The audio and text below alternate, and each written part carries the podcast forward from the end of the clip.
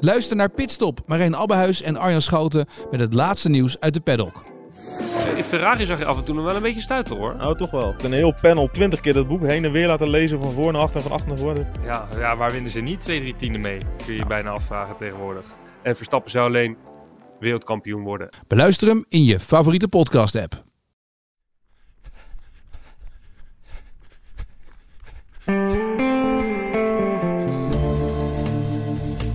Ja, mooi dat jullie weer luisteren naar een nieuwe aflevering van De Pacer. We hadden al het een en ander verklapt, namelijk de beginletter. De U stond voor Uffelte. Erik Brommert en ik, Pim Bel, zijn vandaag naar Drenthe afgereisd... om aan te schuiven aan de keukentafel van Gerard Nijboer. Man, eigenlijk pionier van de Nederlandse marathontop. In de jaren 80 werd hij Europees kampioen, behaalde hij Olympisch zilver. Hij won meerdere malen de marathon van Amsterdam, die komende zondag op, het, op de kalender staat. En wij zijn, Erik, eigenlijk enorm benieuwd naar die tijd, maar ook hoe het leven nu is. En eh, naar nog veel meer. Absoluut. En ons thema marathon, ja, daar kunnen we niet omheen natuurlijk hè, met, eh, met Gerard. Gerard, ik heb, ik heb gisteren nog eens even, even goed gekeken naar jouw palmares. En ik kan eigenlijk niet anders zeggen dan dat we bij jou met een zeer traditionele marathonloper te maken hadden. Want als we uitgaan van 1979 zo'n beetje, wanneer jouw eerste marathons waren, 79 tot en met 90. Ik heb elf jaar lang heb ik marathons gezien. En ik heb in elf jaar lang heb ik 22 marathons voorbij zien komen. En dan denk ik, dat is wel heel traditioneel. Het is twee marathons per jaar. Denk voorjaar, najaar. Ja, dat klopt, klopt een beetje. En zeker traditioneel, om, omdat, eh, en dan moet Pim ook uh, de palmares meegeven van, uh, het, is, het is eigenlijk uh, een pionierstijd. Het betekent in principe dat je heel weinig kennis hebt. En de enige kennis die je had van na een marathon, het doet heel veel zeer. En de eerste maand presteer je geen deuk in een pakje boter. En op een gegeven moment denk je, oké, ik, ik heb ook een wat langere rustperiode nodig. En wat je ook moet weten, ik, ik was toen relatief jong. Hè? Dus 79, uh, mijn eerste, ja, nog geen 24 moest ik nog worden. En ja, eigenlijk zijn toen in, in anderhalf jaar tijd vijf, toch wel vijf marathons gelopen. Maar dat paste dan toch ook niet helemaal bij die tijd? Je zei toch, in die tijd was ja. het toch altijd zo dat je pas op latere leeftijd aan de marathon zou gaan beginnen? Nee, dat, dat, dat klopt. En, en, dat heeft ook een geschiedenis. Uh, een mooie geschiedenis. Ik, ik belandde in uh, de Moskou-selectie voor de baan, 5 en 10 kilometer. Uh, er was toen een heel uitgebreide selectie onder leiding van uh, Bob Bovenman en Hans Keizer. We hebben het over de Olympische Spelen van Moskou in 1980. Hè? 1980. En er werd een jaar of drie, vier van tevoren al een soort ruime selectie gemaakt. En daar hoorde ik ook bij. en ik, ik, raakte in 78 geblesseerd. En um, met mijn eerste wedstrijd in 79 evenaarde ik mijn persoonlijk record op de 5 kilometer. Maar ik kreeg meteen in die week ook een brief van uh, vanwege het uitblijven van progressie uh, wordt u helaas niet meer op, op de lijst gezet van Moskou. Dus, en ik, ik was bezig met, met mijn baantijden sneller te, te lopen. En uh, dat klopt, Erik, wat je ook zegt, hè, van uh, je moet eerst natuurlijk alles op de baan doen voordat je een marathon ging In die lopen. tijd was dat toch wel, ja. ja. Dat was zo.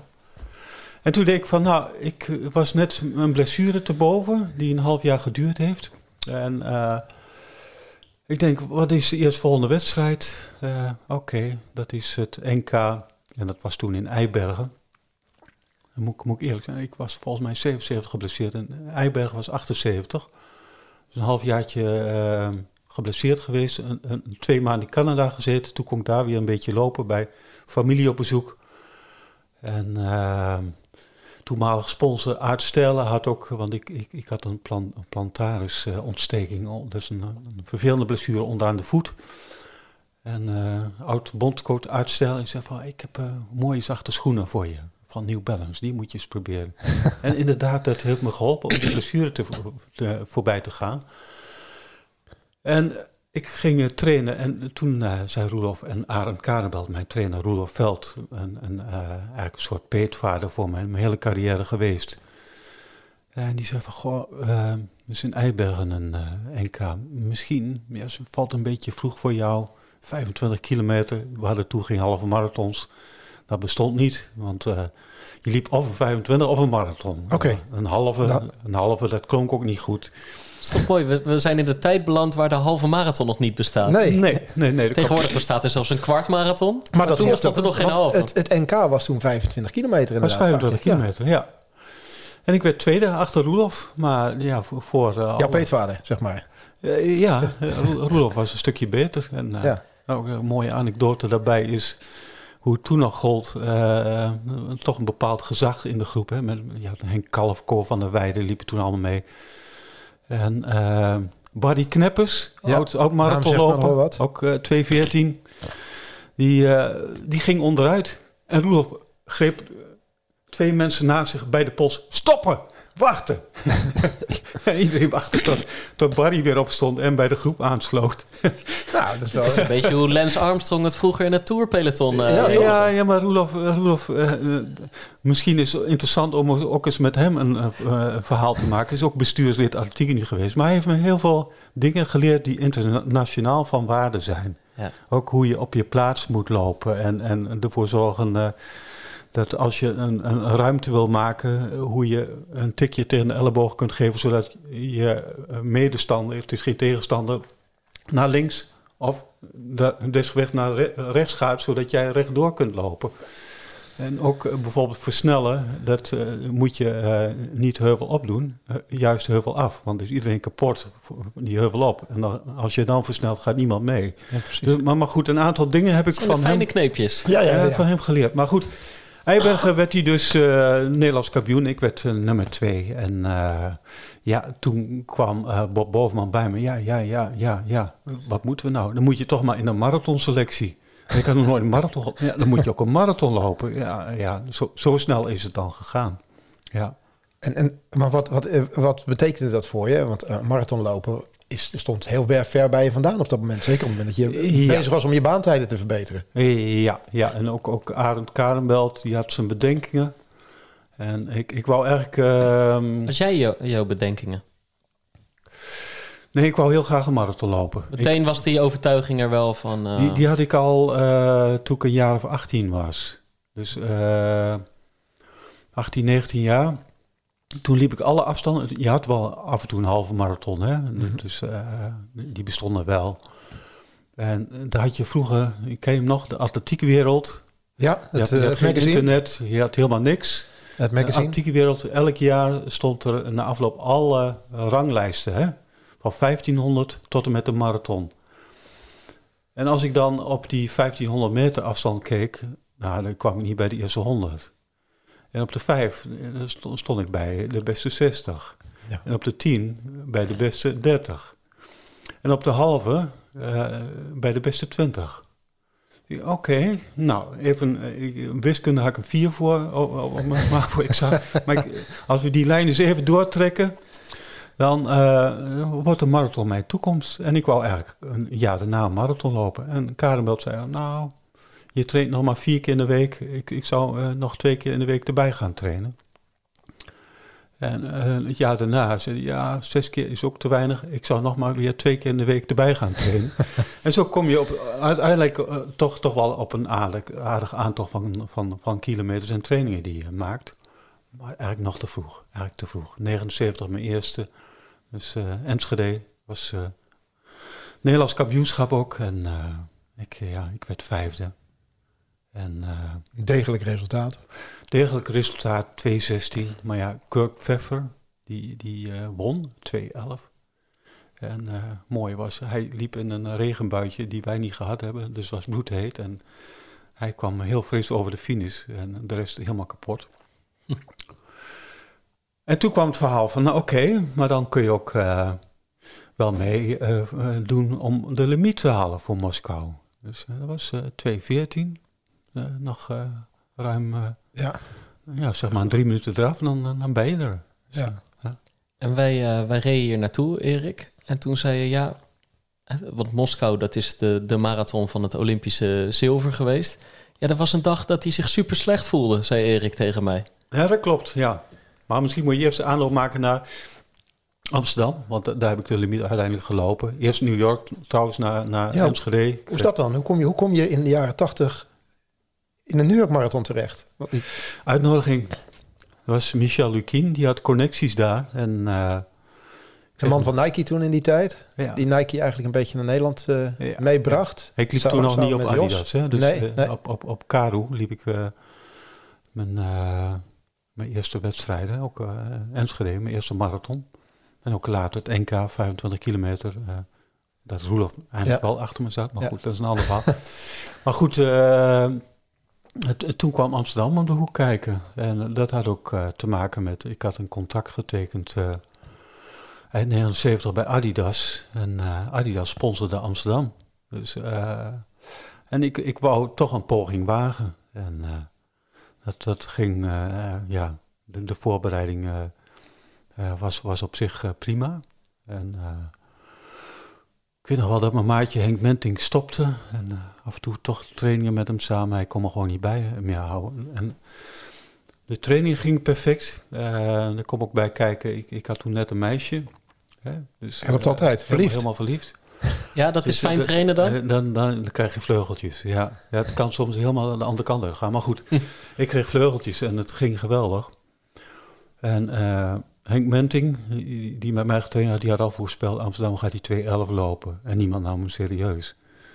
Eh, halverwege zaten we op een schema van, van net onder de 2.14. Hè? Kees van de Hul, haas van dienst. Mhm. Die eh, kon eigenlijk het begintempo niet zo goed eh, bijhouden.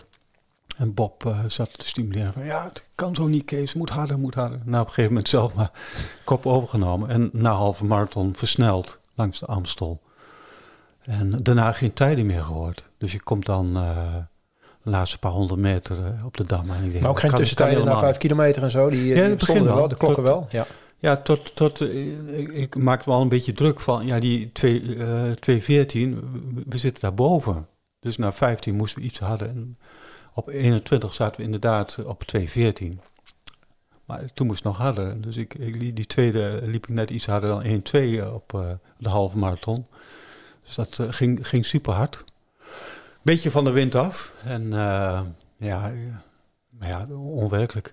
Maar goed, daarna komt Moskou eh Ja. om de hoek. Maar het, wa- het was, want wat, je loopt daar, dit is 1979 of 1980? Dit is 1980. Ja, Ja. 1980, Amsterdam Marathon. Neem ons Ja. eens even mee hoe dat eruit ziet. Want de, de, marathon van Rotterdam bestond nog niet eens. Nee. Het parcours zal heel anders geweest zijn. Eh, de massaliteit van nu, daar is geen sprake van. nee, start op de Dam. Eh, geen hekken. Publiek st- st- stond eh, gewoon langs de kant. En eh, iedereen kon oversteken. Eh, bussen reden nog. moeders met kinderwagens die over... Het het was een complete chaos. Echt een complete chaos. Volge auto's, fietsers, legioenen met fietsers mee. Onoverzichtelijk. Ja, zoals we nu marathons organiseren, ehm, ja, dat, kun je niet meer vergelijken. Dat, is, eh, dat, dat kan ook niet meer. Maar ik hoorde je wel zeggen, eh, langs de Amstel, die zit er nu Ja. nog steeds in. Ja, Hoe, ja. hoe- hoe- hoe was, was het niet toen meer, toch iets meer stadsmarathon? Of- Nee hoor, helemaal niet. Nee, Het was al- voor- vooral heel snel eh, erbuiten. Oké, Dus zolang en die tijd wel. Daarna hebben ze een tijd wel in de stad geweest, maar ze zijn ook een tijd echt erbuiten geweest. Ja, het, het, was niet, het was geen echte stadsmarathon. Dus ik, ik, ik heb eigenlijk niet zo heel veel van Amsterdam zelf gezien. Behalve de Amstel. Ja, Dus eh, voorjaar was het, denk ik. ja, 26 eh, april. 13 graden, ideaal weer. was echt perfect weer. Dus een beetje wind, een beetje wind tegen. En ja, van de wind af, ja, ging het als een eh, stroomversnelling. En je had maar één kans dan. Ja, maar ik had eigenlijk geen rekening gehouden met Moskou. Ik denk van, nou, een gokje wagen. Zou mooi zijn dat. Nou, dan kom, kom je heel dik onder het Nederlands record uit. Wat toen op, wat Cor Vriend toen net gelopen had in Esson, 2.13 zoveel, had hij van Roelof Veld overgenomen. Roelof is wel gestart, maar was geblesseerd, dus heeft de finish niet gehaald. En eh, ja, een flink stuk voor op, eh niet of vier op, op Wat was op liep de je? andere. Ja, wat liep je voor tijd? 2,9 en 1 seconde, ja. Wat uniek was in die tijd. Het was eigenlijk een Europees record ook. Ja, m- maar goed, daar, daar wist, daar wist ik bestaan helemaal niet van. Nee. Dus, eh, Zo, zo Ja, verrast dat- kwam het. ja, eh, ik was daar ook helemaal niet mee bezig. Ik, ik dacht alleen van ja, van eh, klopt het parcours wel? En ik kreeg meteen eh, van eh, Wim Visser, de toenmalige directeur. Hier heb je de rapporten. Ja. Praat me niet over parcours. Landmeetkundige dienst heeft alles drie keer overgenomen. nou ja, goed, een heel verhaal erbij. Oké, nou ja, het zal wel. Ja, En Wa- heel Want veel- er waren twijfels over. Ja, absoluut. Ja, Ja. ja, ja. ja, En dat, ik, ik snap dat wel. Van, eh, kijk, ik, ik heb ook eh, la- langs de Amstel loop ik een grindpaadje. Daar heb ik ook op gelopen. Maar heb je daarmee afgesneden? Ja, ik weet het niet. nee, nee, nee, Dus, nee. eh, nee. En, en, en soms moest je ook om bussen heen, hè, die, die eh, op de weg stonden. Ja. Eh, ja, ho- hoezo? Nou ja, goed. eh, maar het, het is nou, ik denk niet zo nauwkeurig als nu, hè. nee. En even over eh, die 2.9. eh volgens de wereldstatistici was ik wel wereldrecord. Ja, maar ik, dat, ik noemde dat in de, in de Ja. auto net nog. Volgens mij was het ook ja. zelfs wereldrecord op dat moment. Ja, eh, ook omdat ze het parcours van Derek Clayton in Antwerpen nooit teruggevonden hebben. dus eh, ze weten niet hoe hij gelopen heeft. Ja, ja, ja, ja. ja. Ja, dus eh, nou, om even aan te geven hoe, hoe, hoe het in die tijd eh, eraan toe ging. Het waren de Dus- pi- pioniersjaren, maar ook wel Ja. re- redelijk houtje touwtje als ik het zo eh, hoor. ja, maar het was toen niet anders. Hè? En ik, ik kijk soms naar wielerwedstrijden en heb ik soms ook het gevoel, houtje touwtje. Van, eh, Ja. Er wordt ergens een streep gezet, hier gaan we maar starten met wielrennen. Hè? Eh, en ik zie de ongelukken met wielrennen. Ik denk, hoezo professionals? Ja. Ik snap dat ook niet. Dat, dat, dat kan niet bij. En ik vind, eh, daar heb ik zelf ook een, rol in mogen spelen. En bij de Attigini, toen ik eh, daar werkte, dat we daar wel een hele goede rol in gespeeld hebben. Samen met organisatoren die het eigenlijk heel serieus hebben opgepast. eh, op, hebben gepakt. En eh, heb ik ook, eh, kijk ik ook naar eh, twee eh, grote spelers, is, is Le Champion. En eh, ook Global Sport, die hebben ook aan bijgedragen dat die kwaliteit gigantisch omhoog ging. En eh, Rotterdam Marathon heeft natuurlijk voor zichzelf een aantal dingen heel goed gedaan.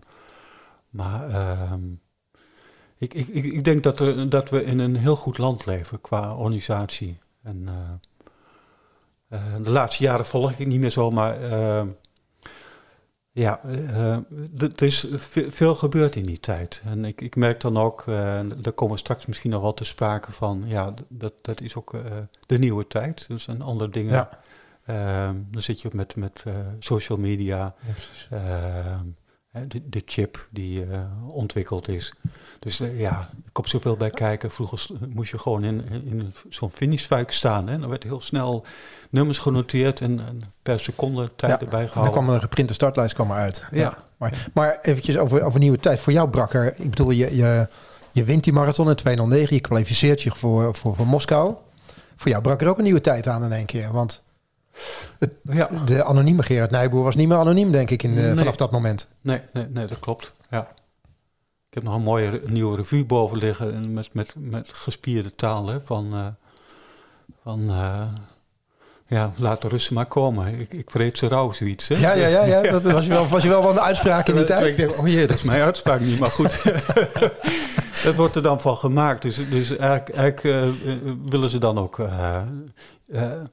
het is ook een, een, een, een karaktervervorming, denk ik soms wel eens. Hè? Van, eh, van eigenlijk... eh, als ik heel eerlijk ben, het past niet bij mij om eh, in, in, in het middelpunt van de belangstelling te staan. Maar je kon er, niet meer onder, je kon er toen niet Je, onderuit. kon, je kunt er niet onderuit. Nee. Hoe ging je daarmee om? Ehm, in het begin moeilijk, maar, maar ehm, ik, ik, ik denk wel dat ik me goed doorheen geslagen heb. Met, met het karakter wat ik heb. Dat ik dat wel goed gedaan heb. Want, Ja. want, want wat is dat karakter, als je dat zou moeten omschrijven? En wat, wat, wat Ja. gebeurt er dan met dat karakter? Wat komt er op dat karakter af? Dat is een heel goede vraag. Eh, eh, eigenlijk ben ik een heel introverte persoonlijkheid. Kijk, en eh, heel veel mensen vinden het belangrijk dat ze beroemd zijn of, of in een picture staan. Ik juist niet. Van, als je kijkt naar mijn- verleden ook. Ik, de basisschool, ik, ik heb bij mensen in de klas gezeten, die, kom, die ben ik later wel eens tegengekomen. Die zeggen, ja, het bestaat niet. Gerard Nijboer heeft niet bij mij in de klas gezeten. Ze weten het niet. De grijze muis. En dat was vroeger ook bij marathonlopers zo. Er waren boekhouders, Ja. grij- grijze muizen. Hè, want die, die, die konden hun energie uitstellen. Ik, ik, heb een broer in Duitsland, die, die, eh, die is een soort Martin Gauss. Die is met, heel veel met honden bezig. Hij is begonnen met wolven. Nu actueel trouwens hier in Drentland. Ja, maar goed, Uh, en Henk Kraaienhoff, die, die zei van... Ja, Nijboer, ik heb helemaal niks met jou. Van, ik moet katachtig hebben. Katachtig, explosief, impulsief. Daar zit karakter, daar kun je wat uh, ervaring op doen. En, en, mijn broer zei, ja, dat klopt. Jij bent een wolwachtige, stijve ruggengraat, stijve houding. Uh, een wolf die heeft zijn focus op lange termijn. Dus die stelt zijn doelen uit, stelt zijn energie uit. En die slaapt pas op laatst toe. Ja. En dat is heel anders dan vanuit een boom uh, een prooi bespringen en dan klaar. Veel geduld. Veel geduld. En, en ook uh, er zit een strategie aan, achter. Kijk eens hoe wolven met elkaar communiceren hoe ze een, een, prooi gaan vangen. Er zit, er zit, een strategie achter. En dat past bij een marathonloper, het past bij jou. Dus dat vond ik een boeiende, boeiende discussie.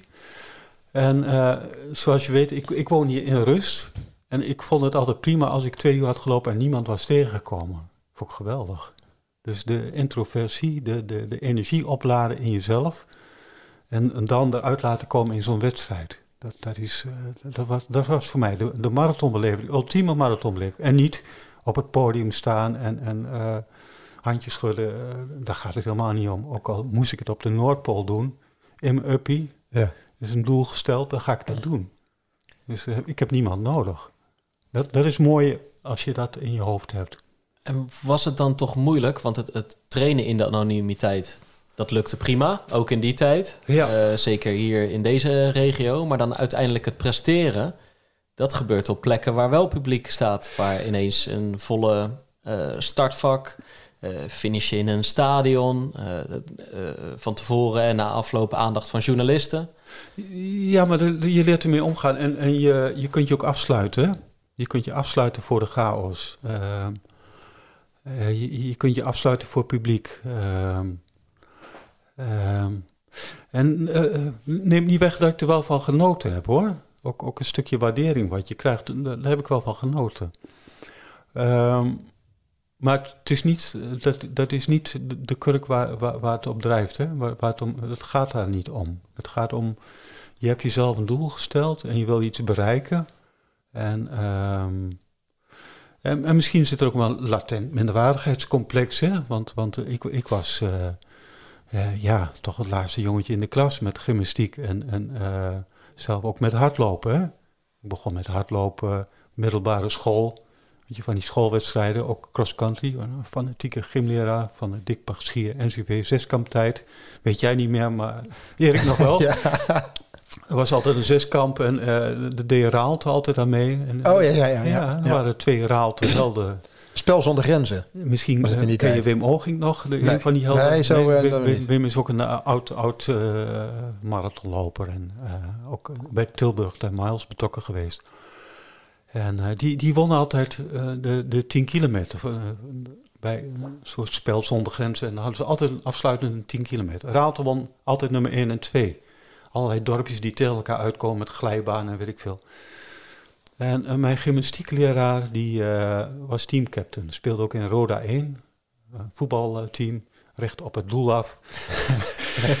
en die, die hield heel erg van hardlopen en flink de, de, de, zweep erop gooien. Nou, die zag mij niet staan. Hè? Van, van, van de ruim 60 jongens van mijn leeftijd werd ik altijd laatst of één laatst, ook op de lange afstand. Dus ik, ik kon helemaal niet hardlopen.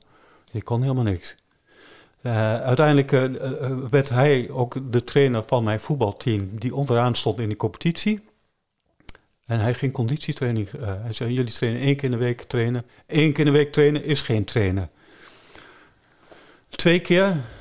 Jullie komen donderdag terug, gaan we alleen maar lopen. Krijgt, krijgt de bal niet te zien. En, en zaterdag hebben we een partij, dan gaan jullie voetballen. Dan train je drie keer in de week. Dan pas gaat er wat gebeuren. Met één keer in de week trainen kan er niks gebeuren is een hele simpele... Simpele conclusie. Conclusie, maar ook een sport, uh, inspanning fysiologische uh, gedachte zat erachter. En verdomd, uh, daarna zijn we wedstrijden gaan winnen. In de laatste wedstrijd wonnen we met 5-0 van de kampioen. Uh, en we zijn tweede geëindigd in de competitie als, als, als ja, B of C junioren. Maar maar het, zegt wel wat, hè? Ja, dus- en het was dus niet dat de, het geboren toptalent, dat, dat was je niet. Zo voelde je je niet, zo heb je je nooit gevoeld. En toen, toen later kwam dat. En oké, die aandacht, daar was je niet naar op zoek. En dat paste misschien ook niet helemaal. Maar ergens was het prettig om gezien te worden en waardering te voelen voor, voor wat je erin stopt en wat eruit komt. Ja, maar vooral mijn zelfrespect. Oké. Ik ja. was trots op mezelf. Dat, dat vond ik veel belangrijker. Van, ik, ik kan dus trots op mezelf zijn. Ik kan iets. Dus ja. Oh, mooi dat het hardlopen dat brengt. Ja, ja maar dat is dus het mooie van, van eh, als je maar één ding kunt. Als je multitalent eh, hebt voor heel veel dingen, lastig kiezen. Ja, ja. Dat Ja, maar, vaak niks. maar je hebt het over die... die Geen keuzestress. Nee, ik heb geen keuzestress. Heel Nee, makkelijk. Ja. Nee, maar je was trots op jezelf, op die prestaties. Maar dan komt er een moment, dat je zei van, nou, dan lees je ergens terug van, nou, laat die Russen maar komen. Weet je wel, ik lust, eh, ik lust ze rauw. Maar dan komt die speler, dan komt er ook een soort druk komt er eh, kijken. Want het is toch in één keer Gerard Nijboer, de Europees recordhouder. Eh, en die, die, ja. is, is- Ik- die ik- gaat naar de Spelen toe. Ehm, ja, er wordt wel wat van je verwacht. Hoe ging, hoe ging je daar dan mee om? Ik, ik kwam net kijken. Van, mij, ik mocht, er mocht de mist in gaan. Maar goed, ik, ik, ik ben toen eh, in mei voor, voor een halve marathon, die bestond toen wel, hè, naar Guatemala geweest. Op uitnodiging van KLM en Heineken. Was een Dat was burger. wel een beetje commercieel, werd het al. eh. Eh, nou, je verdient er niks mee hoor. maar goed, maar toch, KLM en Heineken. Ja, ja maar goed, eh, ik, ik was zo, zo bleu als wat. Dus eh, bij Binnenlandse Zaken nagevraagd van of het allemaal veilig was. En eh, Rolf Bos gaat er binnenkort, uh, oud-journalist van de Volkshand, iets over schrijven in een boek. Waarin de geschiedenis van Moskou aan bod komt. Maar goed, eh, ehm, ik kwam ziek terug. En, ehm, en ik viel heel veel af. En was chronisch aan de dunne. Eh, en ik kon, ik kon de training voor Moskou ook niet aan. Dus ik heb Henk Menting eh, eh, twee keer in de week gebeld van... Henk, kun je alsjeblieft komen, want die lange duurloop... dat red ik niet. Ik, ik, ik, ik voel me hondsberoerd. Ik moet een beetje afleiding hebben. Henk heeft dat trouw gedaan. Het is een afbouw. En ik, ik, ik gaf er geen cent voor. Dus het gaf ook geen druk, omdat ik denk van... het gaat toch niks worden. Dus ik was... eh, vijf kilo, zes kilo lichter dan eh, voor Amsterdam. Dus, eh, Dat is fors. Ja, dat is heel veel. Ja, Maar je was Ja. even relatief gezien zwaar, als, zwaar voor een marathonloper, werd er altijd gezegd. ja Amsterdam was ik eh, 73 en, en voor Moskou eh, 67. Dus eh, ja, om even aan te geven van... en, en in Moskou zelf, ik heb de spiegels afgedekt. Ik kwam mezelf niet zien in de spiegel, want ik eh, zag er niet uit. Dat deed je in de hotelkamer? Gewoon, ja, ja. dat- dat- mijn zelfvertrouwen was helemaal weg. Dus ik, dat Maar letterlijk handdoeken doen. voorgespannen? Ja, handdoek of? ervoor. Ja? Ik, ik, moet- ik moet niet in de spiegel kijken. Dus eh, net doen of er niks aan de hand is. Heb je getwijfeld of je er wel naartoe moest gaan? Ja, ja, ja, ja, ja, ja, zeker. Ja. Maar goed, ja, het is ook een kans. Het is je eerste spelen. En ik denk, oké, we gaan het wel zien. En, eh, Maar ik vind het Ja. wel een mooie, veelzeggende actie in de zin van... Ik heb me hondsberoerd gevoeld. Ik heb mijn grote marathontrainingen niet naar voldoening kunnen afwerken. Maar ik ben hier nu en ik ga niet naar dat ile mannetje in de spiegel kijken die niks Nee, meer waard is. Maar ja. ik ga doen alsof het er niet is. Ja. En kijken wat er dan nog in zit. ja, ja. Ik, ik denk dat is ook de enige manier waarop je het kunt doen. Anders moet je niet starten. Ja. Dan moet je hier niet zijn. Ja. Dus ja. Nee, het was, was een, eh, ma- maar een, mooie beleving. Het is, eh, nou ja, het resultaat kennen jullie. Wat, wat, wat, wat, gaf je de, de, wat, wat gaf je gedurende de, de, de, de voorbereiding of de, of de race het vertrouwen dat het wel ging? Want uiteindelijk is het wel bijzonder. Je, je vertelt van, nou, ik, ik, ben eigenlijk, ik ben eigenlijk veel te licht. Je zou zeggen, nou, geef, niet veel geef me niet al te veel vertrouwen, maar ik, ik moet het doen. Het is mijn kans, ik ga, ik ga het toch proberen. Dan moet er ergens in die race, je staat, je staat aan de start. Waar is, dat, hoe, waar is dat vertrouwen gekomen in die race dat, dat, je, er wel, dat je er wel stond? Want Ja. je levert uiteindelijk een unieke prestatie. Ja. Er moet ergens in die race iets, Ja. iets gebeurd zijn. Of in de aanloop, je moet een knop om hebben Dus, gezet. eh, Of, eh, ja, dat kan klopt. Maar ik, ik zal eerst, eerst de aanloop vertellen van, eh, over de race. Ik was aan de race. eh, eh, vlak vijf minuten voor, voor het startschot moest ik heel snel naar het toilet. En liep echt, eh, echt, echt eh, helemaal leeg. Dus ik denk van, nou... Dat, er moeten veel mensen moeten snel naar, er moeten ja, maar dit, voor de dit start was, naar- maar dit was, was te. eh, dit was Weer- weer een water, compleet water. Ik denk, jezus, ook dit nog. De, de rest van het deelnemersveld is bedwelmd geraakt. Wat ik toen gedaan heb is eh, eh, 10 kilometer. Ik zag die camera. Ik denk, nou even in Nederland laten zien dat, dat ik hier toch geweest ben. Ik denk, Dus even naar de kop toe, maar dan ging die, eh, er waren een paar Russen die liepen voor. En eh, ja, die camera ging, toen ik op kop ging lopen, ging die camera meteen weg. Oké, dat, dat, dat dan ook nog. Dus ik liet me afzakken naar een vierde groep. En eh, De introverte Drent wil toch even naar... Ik wilde toch even... Ja, ja, ja, maar even, even van, goh, ja, ik denk van, ja, ik weet dat mijn ouders helemaal meeleefden met alles. Nou ja, goed. Maar ik zou altijd zeggen van joh, die gasten die aan het begin even op kop lopen, die moeten even laten zien dat ze, dus, dat ze Ja, er zijn. dat ze er zijn. Voor een introvert iemand als jij was dat toch helemaal niet, eh, past helemaal maar, niet maar bij ik, ik denk, nee, maar ik, ik denk, eh, het zal zo wel misgaan. Want, eh, Ja. Laat ik maar even zien van, Ja. oké, eventjes, dat ik toch nog Even zwaaien een naar huis. stukje meegelopen heb hier.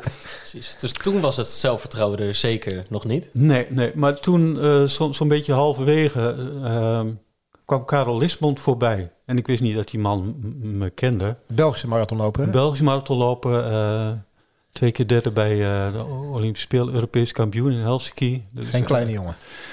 Nee, nee, derde bij, de- bij het wereld- wereldkampioenschap cross. Die, die, die, die had nogal wat bereikt. En die zei, alleen Gerard, als we wat willen, moeten we nu naar voren, hè? dus nou ja, ik denk oké, het zal wel. dus ik denk dat die man mij kent. Van, nou, dus eh, eigenlijk, eigenlijk eh, maak je jezelf veel te klein dan, hè?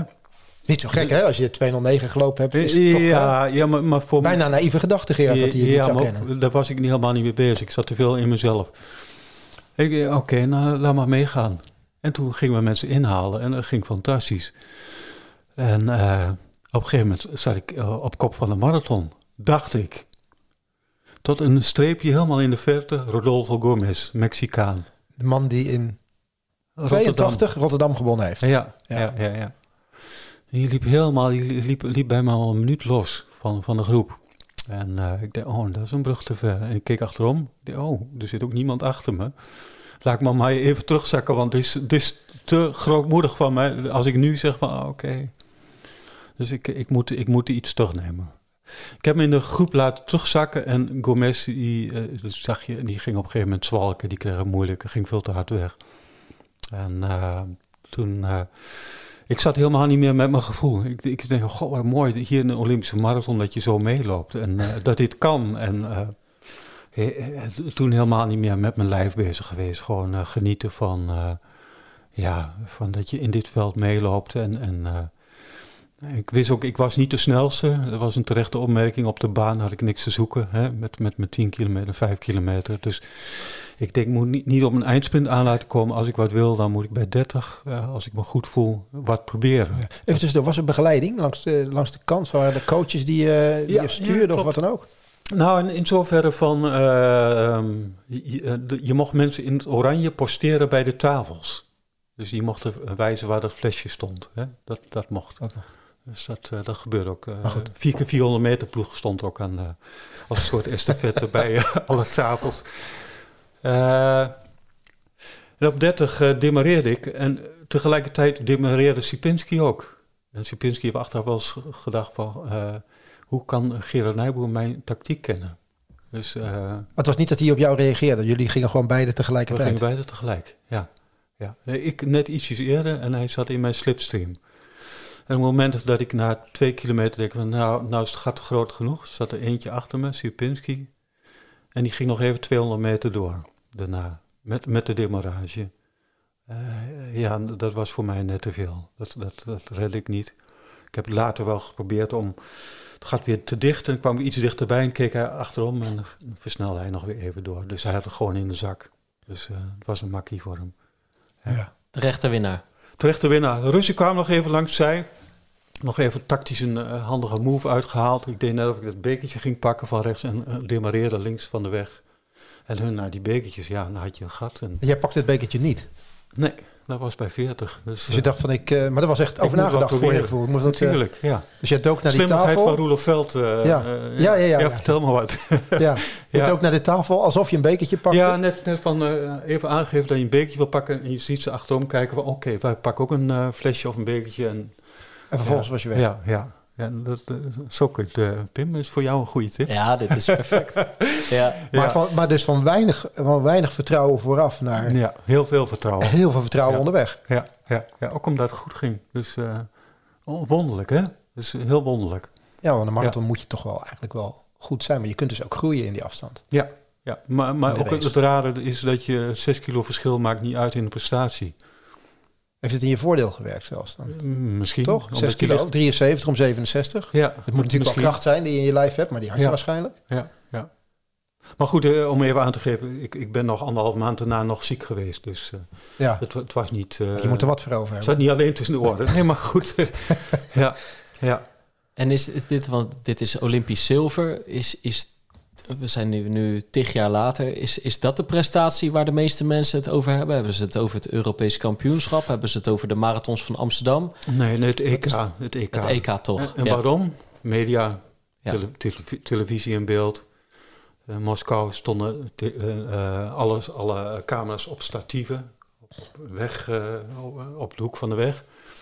En er was één, één camera eh, die, die in een auto meeging. En eh, ja, Moskou is eh, gewoon goed in beeld gebracht. Dus dat eh, is trouwens een, eh, ook, ook wel, eh, mooi dat, dat Theo Rijtsma, die was zo boos dat Moskou niet live in beeld kwam. Want hij wist dat ik een medaille ging halen. Dat had hij van tevoren bij de NOS verteld. Ah, verslaggever, hè? Die, die atletiek was een liefhebberij. En hij kreeg het in Athene voor elkaar. Dat journaal werd eerst voor, voor het eerst voor, voor een sportevenement onderbroken, het journaal, omdat Gerard Nijboer bij de finish zat. Dus eh, dat betekent in principe toch, eh, ja, toch, toch dat, dat ja, eh, hij, hij ook zijn gelijk weer kreeg. Ja. Hè? Dus, Ja. eh, Hij had, de hand van God had hij goed opgemerkt. ja, maar- ja, slimme man. Ja. Zeker weten, ja. Ja, maar inderdaad, iedereen kent de beelden. Tenminste, uit die tijd kent iedereen de beelden van dat EK natuurlijk. Die dus redelijk spectaculair waren eh, Ja. op dat moment. Ja. Eh, Ja. want eh, waar we het over hebben, je kent ook de, de, die op een gegeven moment losgaat. Je, je, je, loopt daar, je loopt daar op kop, je bent daar, daar favoriet. ja. Een van de favorieten waren er meer, maar goed, ja. Ja, ja. Maar toen Ja. stond je met meer, nog met meer vertrouwen aan de start? Veel meer vertrouwen, ja. ja. Toen, eh, na 80 ben ik geblesseerd ge- geraakt, een jaar lang. Dus 81 eh, heel, helemaal gestreept. Eh, knieblessure. En eh, toenmalig eh, ehm, trainerscoördinator ehm, Herman Buets eh, bij de Atletiek Unie. Die, die zei van, hey, je hebt nog van Moskou een, een, een, een trainingskamp te goed ga maar op de kosten van, van mij en, ergens naartoe waar je naartoe wil. En neem je vriendin mee. Terwijl ik geblesseerd was. Eh, ik, ik vond het geweldig. Ik denk, Ja. waar is het eerstvolgende kampioenschap? Athene. Dus ik heb daar het parcours gewandeld met een dikke knie, geopereerd. En eh, samen met mijn vriendin, samen gewandeld. En ik denk, als ik iets wil winnen, dan moet, eh, dat, dat moet hier. Ik ben een krachtloper, ik moet van kracht hebben. En eh, hier, hier moet het lukken. Dus heb je echt heel het parcours gewandeld? ja, helemaal gewandeld. Ja, van A tot Z. Ik, ik, heb, ik, heb, eh, want ik, ik wou ook, eh, ik ben bewust naar Athene gegaan om iets terug te doen voor die man. Ik heb ook, eh, het stadion was, het Olympisch stadion was, was toen nog een plateau.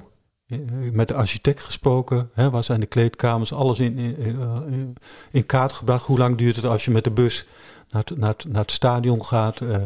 dus voor de Atletiek Unie een verslagje gemaakt. Eh, ook, ook de klimatologische omstandigheden van hoe zijn ze, wanneer kun je het beste trainen. eh. dus, eh, en- dus heel goed voorbereid, echt heel goed voorbereid. Dus ik kende de heuvels ook. Hè? En heel veel mensen, concurrenten die misschien net zo goed waren als mij, die kennen, kennen het parcours niet, die kennen de heuvels niet, eh, wisten er niks van. Dus die, eh, die, die, die schrokken op het moment dat ze daar stonden. Is, is ondenkbaar tegenwoordig, hè? Dus met eh, professionele marathons eh, weet je wat er te wachten staat. Nou, ja, toch geen social media. Er was niks. Maar, was, je, was je iemand die daardoor, de, je had het parcours gelopen. Had je voor jezelf een strategie bedacht? Van oké, als ik goed in vorm ben, dan ga ik het zo en zo ga ik het doen. Want ik ken het parcours. Ja, ik, ik, ik dacht bij, eh, bij 30 ga ik een, een demarrage. Want daarna gaat het alleen maar naar beneden. Dus de tactiek van Rudolf Veld. eh, Kwam weer boven. Die naam komt veel naar voren inderdaad. Ja, Veld. maar veel van geleerd. Veel van geleerd. Ook, eh, ja. Je ging net over de top. Ja. Ja? Nee, maar ik, nee, daarvoor al. Daarvoor al, ja. En eh, dat, dat was een beetje per ongeluk hoor. Dat, want eh had te maken met, met feiten, de, de, de complete chaos. Hè, van, eh, vl- vlak voor de start kwam er ineens, eh, eh, iedereen, iedereen moest een pleister op zijn logo van de sponsor plakken. Ik vond het zo bizar. Waarom? Sipinski had een dag voor de wedstrijd. Hij, formeel moest hij op Adidas lopen voor Oost, Oostblok. Hè? Dat was de grote concurrent, de Olympische kampioen. Had voor Essex getekend. En Essex was sponsor van Athene. Dus van het Europees kampioenschap. En eh, hij zou naar huis gestuurd worden. En eh, toen, toen hebben Essex en Adidas met elkaar gepraat. En eh, uiteindelijk hebben ze een compromis bedacht van hij mocht dan op Adidas lopen. Maar moesten andere reclames worden afgeplakt. Eh, Absurd, absurd iets. Dat kan helemaal niet. En van, van tevoren kwam een priester. Iedereen kreeg een takje in de handen. En dan werd je netjes gewijd. En, eh, een hele bizarre situatie. En, eh, een bijna een Fellini-film. Ik, bij Wim Verhoorn zijn we, we moesten eigenlijk eh, in de, in de warmte ons voorbereiden. Wim was de bondscoach in die tijd. Wim was de bondscoach. We moesten in warmte voorbereiden. En Wim belde bij een huis aan. Kunnen we hier in de schaduw even genieten? Nou, wat gebeurde? Het is een Fellini-film. Die mensen gingen iedereen opbellen. Er zitten hier atleten in huis. Kom eens kijken. En er werd een barbecue aan. een barbecue klaargezet of we ook mee wou eten. nou, helemaal absurd. Compleet absurd verhaal. En op eh, de flessen stonden... eh, of, of Wim Verhoorn heeft zich van tevoren heel boos gemaakt. Want ze hadden flessen met schroefdopper. Die wou ze op die tafel zetten. Die kon ze handig aan de riem klikken. Dat was het idee daarachter. Dus om even aan te geven hoe amateuristisch ze dachten over die hele wedstrijd. En het, eh, dat klopte ook met het parcours. Het was een chaos. Ik heb een politieagent onderuit zien gaan en een bus die dwars over de weg stond. En ik moest achter die bus langs. Nou, gauw hebben ze die camera's uitgezet, want dan wilden ze niet in beeld hebben. En ik zat de hele tijd met die bus voor me, in die, in die, eh, eh, in die kopgroep. Eh, eh, Ik was boos, want ik had flesjes gemist. Want die tafels, er stond allemaal publiek voor. Je kon gewoon niet bij je drinktafel. Dus, eh, Maar dat gold voor iedereen. dat gold voor iedereen, ja. Maar als je eh, op, op kop liep je helemaal, hè. Ja. Dus eh, op een gegeven moment zat ik wel in, bij, bij, die, bij die eerste lopers. Ja. En ja, ik, ik vond het... ik, wa- ik was eigenlijk heel boos dat het zo'n chaos was. En voordat, voordat ik het wist, ik demareerde niet eens, maar ik lag alleen op kop. Ik heb niet eens gedemareerd. En, en dat, was al na, na 15. Werd ineens, eh, gingen we harder heuvelafwaarts. Dus ja, absurd. Veel te vroeg op kop. Ook eh, eh, gedehydreerd, behoorlijk. En eh, bij 30 ook zwart voor de ogen. Ik denk, als ik eh, hier niet op kop had gelopen, was ik nu uitgestapt. Want dit is wel een risico. Zo Nee. voelt het. Ja, nee, ja ik, ik- op een gegeven moment je wordt ook doof hè, als je een, hittestuw, een warmtestuwing hebt. Toen stond Heiko Schaan aan de kant met een bidon. Die heb ik over mijn kop gegoten. Sportdrank. Heerlijk En plakken. toen kwam de juryauto langs met een gele kaart. nog Oh ja, die- één keer en je gaat eruit.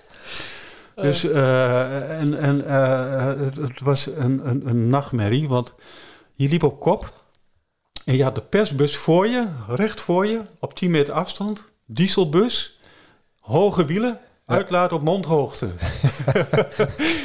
dus Ja. er zat je de hele weg in die rook, in die damp en je, je, je voelt je beroerd. Mijn voeten deden zeer, eh, die, die heb ik daar ook kapot gelopen. Het was warm die dag. Ja, het was 35 graden die dag. Dus eh, om even aan te geven, het was geen leuke marathon. Dus het was overleven. Dus eh, ja, en, en, en, en de rest, eh, de Belgen kenden het parcours niet. Die, die wisten totaal niet, die denken, er komen nog een paar van die dikke bulten. Ja.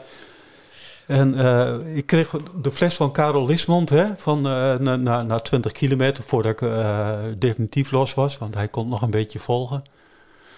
En ik miste mijn flesjes en Karel zei, alsjeblieft, maar niet te veel hè, niet te veel hè. En later weer, niet te veel hè. Ik zei, Karel stond later op het podium, hoezo niet te veel drinken, want het was 35 graden man. Hij zei, nou Gerard, dat drinken is toch al lang achterhaald, net zoals de stretch, dat doet toch niemand meer. Om even aan te geven, Ja, wat voor een tijd we toen zaten. Ja, ja, wat ja, wat voor een bizarre eh, situatie. En met toen zwart voor je ogen werd, besefte je toen wel hoe ver je op kop lag en eh, noem maar op? Of? Ik wist, dat ik, ik wist dat ik los lag, maar er zaten zoveel auto's achter me. Je kon niet zien wie erachter zat. Je kreeg ook geen informatie, je werd niet gecoacht. Dus ik denk, nou, als er iemand voorbij komt, komt hij voorbij. Ik, ik kan daar niks meer. Ik, Nee, eh, nee. Dus eh, ik had ook geen gevoel meer in mijn voeten. Die waren echt behoorlijk kapot. Ook door de dehydratie. Dus eh, ik hoorde ze alleen klats, klats heel hard neerkomen. En ik voelde, Water- water in ik de voelde ze sokken niet en, meer. eh, Nee, nee. ik voelde ze niet meer. Maar hoe waren de, pijn, die laatste... de pijn was weg. Dus, eh, En dan gaat die veter ook nog los. alleen je coördinatie heb je niet. Ja, dus eh, ja, het was een nachtmerrie. Ja, voet ook twee keer zo dik de Ja, dag precies. Maar dit, met dit, ik bedoel, je zegt dit was een nachtmerrie. Eh, ik, li- ik had een soort, voelde een soort woede door de chaos. Eh, Ja, dat is- het was dat is te heet. Ik, ik gooi Ja. sportdrank over mezelf heen. Dit klinkt gewoon niet als een leuke marathon. Het was geen leuke marathon. Maar, maar Ja. dit is nog altijd het hoogtepunt. Voor het publiek is het hoogtepunt. Ja. Voor mij was, eh, ik, ik ben eh, meer analytisch ingesteld. Als je van vijf continenten eh, nummer twee wordt, doe je het beter dan eh, nummer één van één Ja, continent. precies. Maar dan heb je die sportdrank Ja. heb je eroverheen gegooid, kan er toch niet onderuit. En dat- zit al niet mee. En dan ook nog die veter die losgaat. Ja, weet je, iedereen herkent dat moment, Ook dus we moeten ja. er even over hebben. Ja. Dan gaat ook Ja. die veter nog los. Ja, ja. Besef je dat ergens of zo? Dat voel je op een gegeven moment voel je het klikken om je voeten Je, heen. je voelt eh, de, de, de- dat je eh, je voet krijgt meer ruimte. Dan denk ik van oké, nou snel even dicht doen.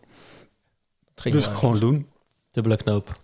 Eh, ja, nou je, je had eh, vroeger hoefde dat niet, want je had katoenen veters. Ah, was de eerste schoen met synthetische veter. Oh, ook dat nog. Dus die, die had ik eh, net, net eh, een paar weken in huis om, om daar de marathon op te lopen. Ja, een beetje, beetje domme actie. Ja, die Heeft gleed, me, die heeft me gleed trouwens. Rotterdam het jaar daarna gekost. Denk, die gaat nooit meer, Nee, die gaat nooit meer los, die veter. toen zat hij iets te strak. ja, Toen zat hij te strak, voet af. Nou ja, goed. Ja. Ja. Amateurtijd. ja, Ja. ja, ja, ja, ja, Ja. ja. Maar dat, dat is hè, nu terugkijkend, dat is natuurlijk wel het, het bijzondere daaraan. Je zegt amateurtijd, tegelijkertijd staat heel het leven in het teken van die marathon. Benader je het ook zeker wel professioneel, want je gaat eigenlijk op verkenning naar Athene toe. Heel bewust pak je die trip. Je bent aan het kijken waar kan ik het verschil maken. Eh, jij bent wel bezig van ik moet drinken, want het is warm. Het is een soort professionele benadering in een amateurtijd. Of Ja, was je ergens zelf ook nog de amateur? Daar ben ik eigenlijk benieuwd naar. eh, achteraf kun je dat zeggen. Eh, ik, ik had wel het gevoel, ik was ook met voeding heel erg bezig. Eh, dat, heeft ook te maken met, met de periode dat, dat niemand iets van voeding afwist. Sterker nog, ook eh, bij die Moskou-selectie moesten we twee liter melk eh, per dag drinken. Anders zou je nooit op de top komen. En er werd ook verteld, hè, als, toen ik eh, mijn darmen daar gevoelig voor waren, eh, van oké, niet iedereen is geschikt voor topsport. Hier, hier scheiden onze wegen. Dus dat, dat hoorde er ook bij. En toen, Want jij deed dat braaf. Je deed braaf twee liter melk drinken. ja, ja, natuurlijk. En iedereen deed dat. En eh, nou ja, dat, dat, dat, was, eh, dat hoorde bij de Moskou-selectie. Hoor je serieus met eh, dit soort dingen om te gaan? Want de wetenschap, Joris drie pinten tijd, hè, Ja, drie ja. glazen melk per dag. En dag. topsporters moeten iets meer. Oké. En toen kwam ik in het ziekenhuis eh, met een internist en een diëtist te sprake, waar ik leerlingverpleegkundige was. Want ik heb er altijd naast gewerkt, hè? Ja. En eh, die kwamen met eh, Amerikaanse literatuur, carbohydrates. Ik had er nog nooit van gehoord. Eh, en toen ben ik me in gaan verdiepen. Koolhydraten. Koolhydraten. En ik, ik, ik ben die man van de, van de Antigone eeuwig dankbaar dat hij verteld heeft dat je heel veel melk moest drinken. Anders was ik nooit in die literatuur gedoken. Hè? Mhm. Dus daar ben ik wat eerder ingedoken. En toen denk ik, oké. En, en toen ben ik ook gaan nadenken over voeding. Formule 1 reed toen op kerosine nog in, in die tijd. Ik denk, ik moet ook aparte brandstof. Wat is de beste brandstof? Wat is gezond? Wat is ongezond? Ik leerde toen als ver- leerlingverpleegkundige heel veel over gezondheid. En toen ben ik ook met, met eh, eigen voeding aan de gang gegaan. Dus eh, dat betekende dat ik aardig gezond at in die tijd. Hè? Dus eh, dat was mijn voorsprong. Maar een aantal dingen dus helemaal niet. Hè? Want wat, wat nu terugkijkend met de kennis van nu, wat deed je bijzonder goed en waar heb je puur uit onwetendheid toen dingen laten liggen? Ehm, ja, eh, we hadden net eh, met ons drie ook een, een voorgesprekje even over van... eh, We waren alvast een broodje aan het eten. Ja, een broodje aan het eten. En, we hadden het over van, goh, in die oude tijd liep je elke week één of twee wedstrijden. Nou, dat, dat, dat, dat is ondenkbaar. Ja. Een ander, ander ehm, iets, iets wat, wat, wat ik absoluut niet goed doorzien heb, is... ehm, ik was heel blessuregevoelig.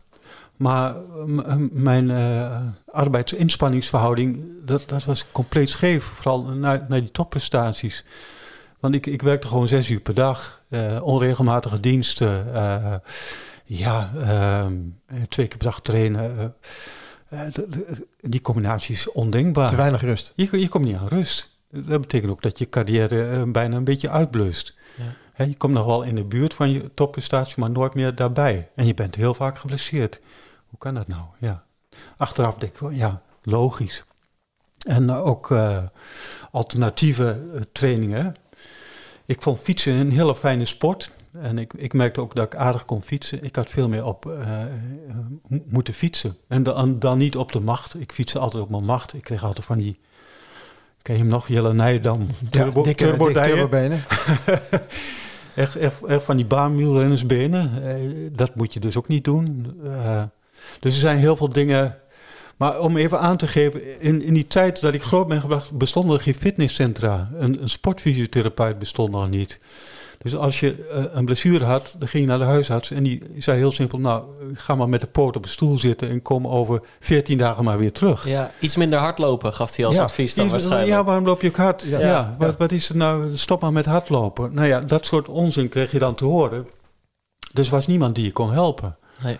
Dus eh, ja, een- een voedingsdiëtist die bestond niet. We kregen bij Nutritia moesten we eerst eh, papieren invullen. En, en, en eh, ik weet nog dat Martie de Katen, die, die eh, ook leuk voor een interview, maar die, die, die kreeg eh, zijn anamneselijst terug van een week bijhouden. Hij had alleen maar aardappels en groenten en een stukje vlees, maar fruit en zo had hij niet. En die kreeg een opmerking terug van Nutritia, meneer, eh, v- volgens de theorie kunt u niet aan topsport voldoen. Dat bestaat niet.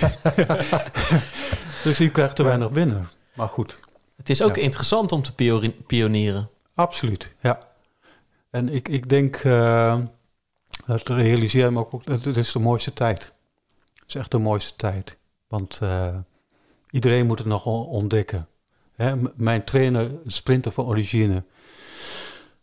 Als ik bij hem thuis kwam, zat hij altijd in een grote stoel, omgeven met eh, allerlei internationale literatuur. Van, van Nieuw-Zeeland, van eh, tot Oost, Oostblok literatuur. eh, eh, Am- Amerikaan had hij niet zoveel vertrouwen in, Duitsers wel. Dus eh, ook, ook die periodisering. eh, dus dat, dat, dat zat, zat, zat bij hem ingegoten en hij heeft daar schema's voor gemaakt.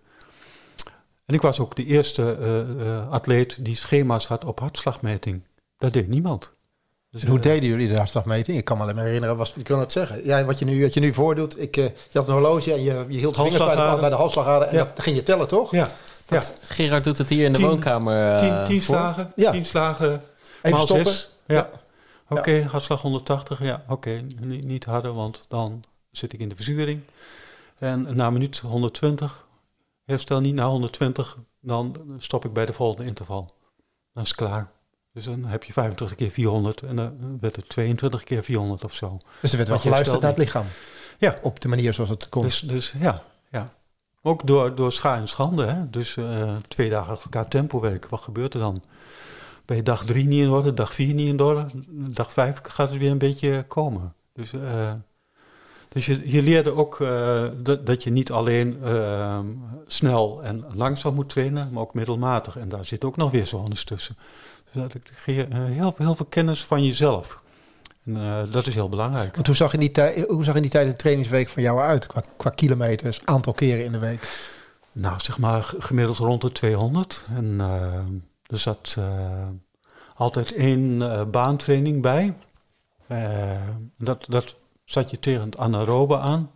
En de rest er allemaal onder. Dus ja, toch heel veel relatief rustige trainingen. Moet Ja. ook wel om op 200 uit te komen. Ja, ja. Je, je, ziet nu dat heel veel eh, lopers ehm, soms duurtrainingen doen van de marathonafstand en langer dan die marathonafstand. Dat deden jullie volgens mij niet in die tijd. Nee, jullie nee. bleven daar toch wel onder, toch? Tot een kilometer 35. Dat, dat was het wel. Ja. En dat, dat, is, nu wel, dat is nu wel anders. Hè? Als ik, Pim, als ik kijk naar, naar jou- jouw trainingen en alles. Jullie halen of raken af en toe de 40 kilometer wel, eh, wel aan. En Ja. toen kwam je niet in de, in de buurt. Het- Nee, maar, wat maar je- wel wat- 200 kilometer in de week. Dus Ja, maar wat je, wat je wel had, hè, is dat je dan smiddags nog een half uurtje, drie kwartier liep. Hè? Dus ja, ja, kom je ook aan eh, boven de afstand. Ja. Ja. kwam je dagtotaal weer hoog uit. Ja, Ja. maar goed. ehm, ik denk ook niet dat het zo belangrijk is dat je per se die, die 42 haalt. Ehm, veel belangrijk is, is, is eh, ja, dat je wel een beetje op duur traint. Hè? Van, ik, ik ben ook niet, geen fan van die sportrustenmethode. Ik, ik, eh, hè, dat, eh, eh, de luisteraars weten misschien, hè? Hè, de 14 14 kilometer maximaal. Dus daar kun je wel een marathon op uitlopen. Maar ja, de marathon blijft toch een, een, een, een duursport. En je zult ook je duurvermogen echt moeten trainen. hè. Ook, De, de uits- uitspraak, de marathons, de energievraagstuk, is een uitspraak van jou, Gerard, vind ik. Die, ja, absoluut. Ja, ja, ja, hoe, kwam je, hoe kwam je daar, daar eh, zo, zo toe? Het wordt nu heel veel gebruikt, maar ik weet, hij, komt, hij komt origineel bij jou Oh, vandaan. Dankjewel, dankjewel. Formule 1 verhaal weer. Ik zag ook eh, auto's die eh, te, te ruig met hun gaspedalen omgingen, die Formule 1, die dan gingen pruttelen op het laatste en, en, en de finish niet haalden. Dus je, hebt, je hebt een tank met, met energie mee en die tank kun je groter maken door langdurig te trainen. Want daarmee wordt die opslagcapaciteit groter. En eh, dan kun je eh, eh, goed eh, je energie verdelen tijdens zo'n wedstrijd. Want je hebt een iets grotere voorraad meegenomen. De menselijke energievoorraad is soms zo'n anderhalf uur vrij maximaal gaan. En daarna gebeuren er andere dingen. Nou, daar kun je op voorbereiden. Door wat jij misschien dan ook doet, eh, Pim, met eh, toch een marathon te lopen in voorbereiding. Ehm, daarmee train je inderdaad de opslagcapaciteit. Ik, hou er va- ik, ik blijf er vaak een kilometertje of twee kilometer vanaf. Ja, Dus ik bewaar de marathon voor de marathondag. oké, prima. Maar, maar eigenlijk zit je er qua tijd bijvoorbeeld al overheen. Zit je overheen. Precies. Ja. Ja. En eh, du- dus je weet gewoon, die afstand gaat het probleem niet vormen. Het is alleen de combinatie afstand-tijd. Maar goed, dat bewaren we voor de grote, grote dag. Ja. En, eh, maar, maar het is ook hoe... eh, En ik heb uiteindelijk nu pas vier marathons gelopen. Maar elke keer leer je weer iets. En, en elke keer voel je volgens mij en ervaar je ook steeds meer... dat het een energievraagstuk is. Je krijgt gewoon, als het goed is... krijg je als loper door de jaren heen... meer en meer door wat erbij komt kijken... om, om zo optimaal mogelijk van A naar B te komen. En, en 42 kilometer is lang, klinkt lang... maar het menselijk lichaam, het getrainde menselijk lichaam... is daar wel degelijk toe in staat. Alleen hoe deel je de race in? Hardlopen is natuurlijk niet zo snel mogelijk, zo snel mogelijk lopen... maar is hoe loop ik deze afstand zo snel mogelijk? En daar Ja. hoort een heel, hele strategie Ja. bij. Maar het is best wel lastig, hè? want je kunt jezelf ook onderschatten. Hè? Ja, Dus dat je denk ik heel rustig weggaat in de tweede helft hardlopen en denk je, ja, ik heb een geweldige tijd gelopen, terwijl je misschien wel tien minuten harder kunt. Dus eh, dat, dat is best wel lastig. Dat is ook, eh, je, je, kunt voor jezelf alleen maar zo goed mogelijk doen en, en je moet jezelf wel goed kennen. Kijk, eh Camille Maas is een heel ander type loper, hè? Die, met, met heel veel kilometers en met, met zijn lange pas. is, is het toch wel moeilijk om zijn energie op een goede manier te verdelen. En, de, de man die in 2003 eh, het Nederlands record verbeterde. ja, Toch? Ja, ja, ja, Tot die ja. tijd eh, stond, stond jou 209. Ja, ja. Dus eh, en, en in mijn tijd had je een Luc Krotwaar, die, die eh, ook, eh, die had eigenlijk een, eh, voor, voor mij de Athene stokje moeten overnemen met de Olympische Spelen. Ja. Toen was hij net dat jaar geblesseerd. Of, In goede vorm. ja, godsamme, ja. Echt jammer. Het spijt me nog steeds, maar hem, hem waarschijnlijk ook. Eh, maar echt een kater eh, geweest hoor. Maar goed, die, die eh, liep elke week een, een marathon. Maar dat was voor hem geen opgave. Dat, dat, dat, dat kon hij gewoon aan. Dus, en hij had als, als junior had ook nog het, absolute snelheid. Ik kan het zeggen. Ja, vijf Die- kilometer die- vijf kilometer liep hij hartstikke goed. Dus die had alles in zich om heel goed te worden. En ja, goed. Heeft het niet gehaald, maar om even aan te geven dat er verschillende types zijn. En iedereen moet voor zichzelf ervaren van wat het nou is. Hoe, hoe train jij het beste als, als marathonloper? Ehm, en en ehm, wat kun je er nog aan bijschaven? Hè? Maar simpele fysiologische wetten, hè, voor ook, ook die, die vetzuurverbranding is heel belangrijk. Het aantal mitochondriën neemt toe. Hè. Hoe meer je traint, hoe meer mitochondriën je krijgt. Energiefabriekjes van het lichaam. Ja. Die je weer kunt gebruiken.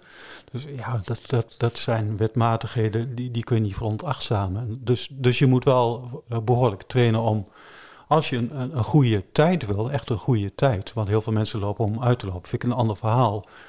Dan moet je eh, ja, toch, toch eh, het heel serieus nemen.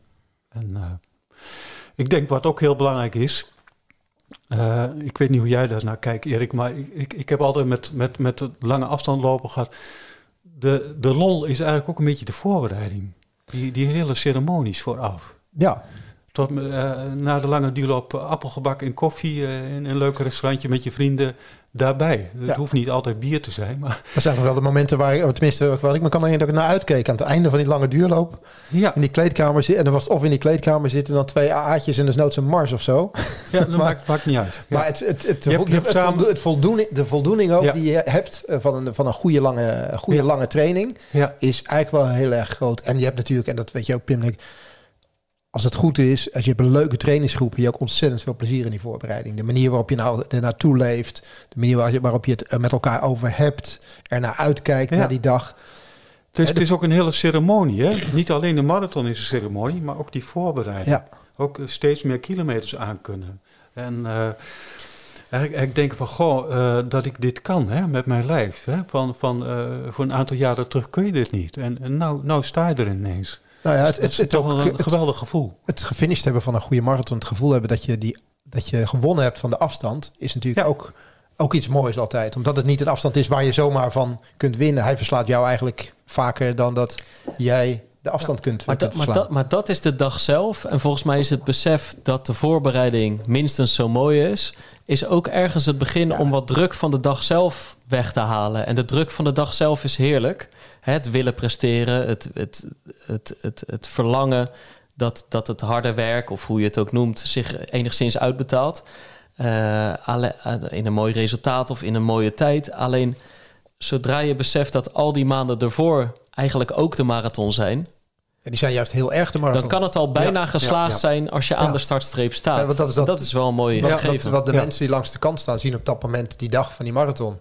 Maar jij hebt op dat moment de basis gelegd.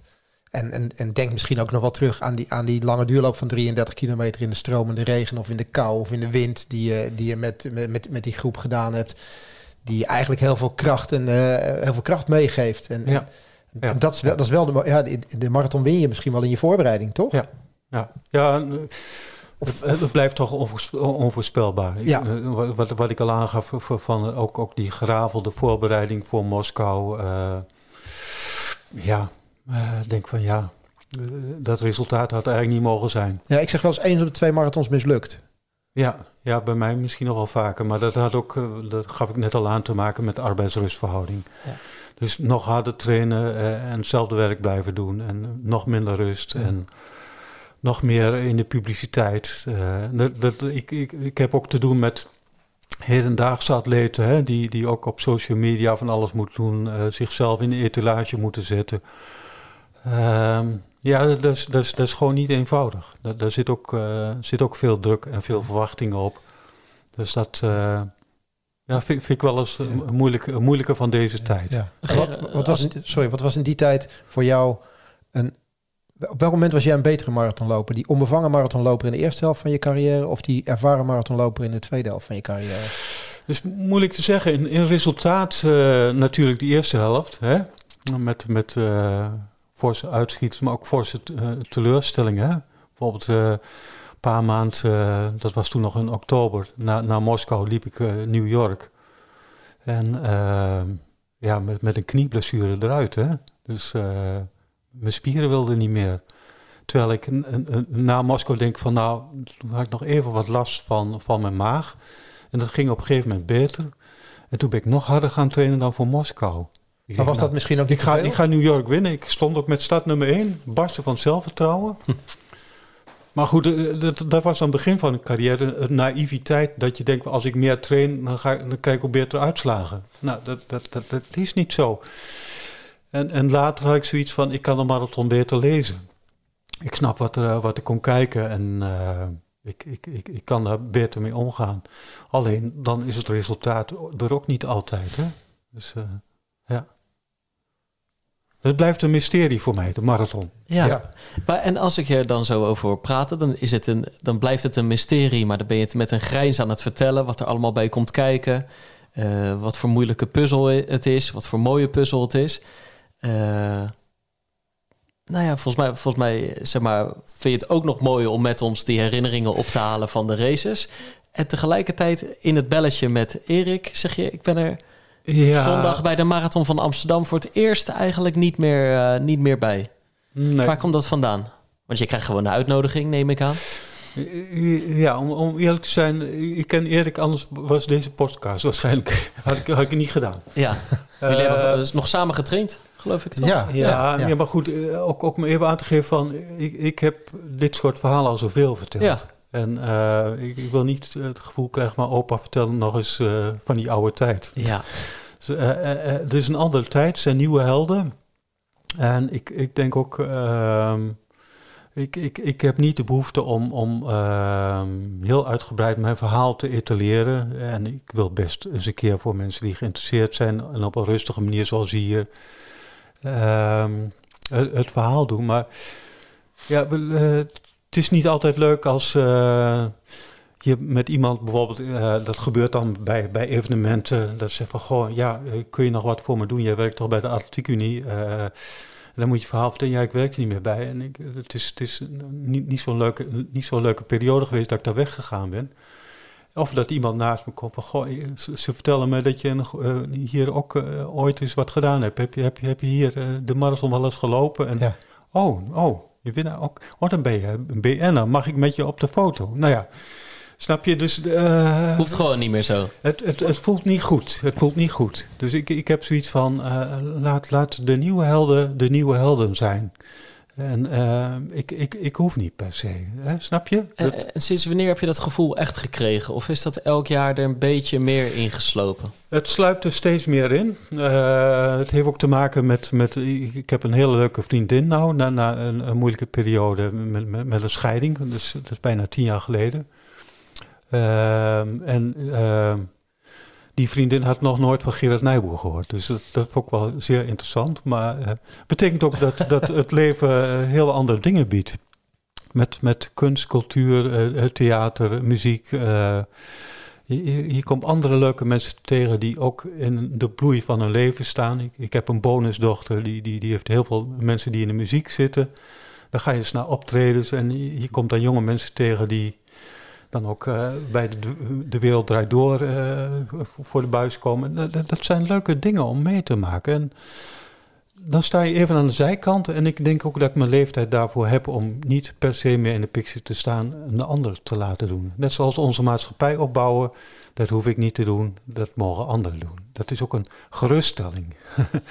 Zo mag ik het wel Dat zeggen. zijn de zaken, zoals je net zei, kunst, cultuur, theater, noem op. Die zijn in jouw, in jouw sportcarrière eigenlijk volledig langs je heen gegaan. Dat Nooit, hoor. nooit. Ik heb in, de, in het verleden wel eens een, een top 10 eh, gehouden van hoe word je een goede marathonloper. En waar ik me heel erg schuldig over gevoeld heb eh, en, en niet bewust van was, plezier was niet nodig. Dus eh, st- stel mij een doel en ik kan tegen mijn zin in een aantal dingen jarenlang volhouden. Plezier is niet nodig. En dat is ook zo. Dat, dat werkt bij mijn karakter zo. Het is wel heel apart. En ik heb nou zoiets van, eh, het wordt wel tijd om het plezier terug te pakken. Dus als je dat Om niet, gewoon in de top 3 te zetten. eh, dat heel belangrijk te vinden. Hè? heb je acht, dat- acht keer naar New York geweest en eh, ik heb nog nooit iets toeristisch gedaan daar. Behalve het Central, Central Park doorgelopen. Ja, ja, ja. Om, om even aan te geven van, ja, waar ben je dan mee bezig? Ja, heb je dan, heb je dan voor je gevoel voor. dat je egoïstisch geleefd hebt? Of is Nee, dat, is dat, kleppen is dat, voor. tekst, is dat tekst kleppen voor? Gewoon Ja. ook kleppen voor. Ik kom hier om te wordt- presteren en Wordt mijn voor. prestatie beter van, nee, dus ga ik het niet doen. Snap je? Dus, eh, en ging dat, ten, dat ging dan ten koste van uiteindelijk mensen om je heen soms, die dichtbij ja, stonden? absoluut. Ja. Maar ook van mezelf. Dus, eh, Maar dat realiseerde je op dat moment niet. Eh, nee, nee vond, vond ik ook niet belangrijk. Ik kom daar voor een doel en ik wil niet het gevoel hebben dat mensen ook denken van, en ik zelf ook niet van, hey, ja, hij gooit er met de pet naar, hij komt naar New York, het is een uitje. Ja. Was vroeger een uitje, hè, New York. Maar Je, had een, een, een, een toptoernooi gehad, een Europees wereldkampioenschap of Olympische Spelen. En eh, je sloot het jaar af met de Marathon New York eh, om, om je vrienden te ontmoeten. Maar daar toch nou, voor, voor de conditie die je hebt redelijk goed te Maar ging je daar alleen naartoe of nam je wel je vrouw mee? Die ging altijd mee. Die ja, dat Ja. kon. Maar die ging haar eigen dingen doen. Hè? Ja. Dus dat, eh, ja. Voor jou weer was daar... ik was er voor ondanks dat het een uitje was, was het... We moesten wel gepresteerd worden. Eh, ja, altijd. Als de marathon, dan eh, is het bloedserieus. Ja. Dus eerst al die jaren als marathonloper, eh, later nog bondscoach bij de Atletiek Unie betrokken geweest. Ehm, dan voelt dit als een periode van loslaten, denk ik. Maar gaat dat automatisch? Gaat het natuurlijk? Eh, voel je Ja. ergens soms nog wel de drang om gewoon daar langs de kant te staan? Ik kan me voorstellen Nee, dat het gemengde niet- gevoelens geeft. Ja, niet meer. Nee, nee. Ik heb ook eh, in 2004 heb ik al afstand genomen van topsport. Toen ehm na de eh, Olympische Spelen van Athene. Ehm, ja, toen, toen heb ik het dus een jaar zo bond gemaakt dat ik twee weekends inclusief vakantie eh, vrij was. Dus twee weekends bij huis en voor de rest al, alleen maar op pad en bezig en stages. Ehm, en het resultaat, eh, we hadden het net over Luc Krot, waar heel, heel sneu, maar dat hij met een blessure het niet kon halen. Met acht, acht personen op pad, met een Camille Maas en Lona Kiplagat. En eh, ja, goed.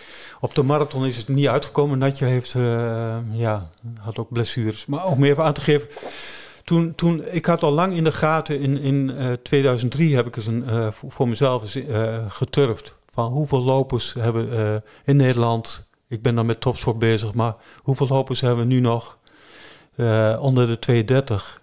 En hoe zat het in 83? Nou, in Dat is een groot 83, verschil geweest. 83 zaten we op, op eh, rond de 60.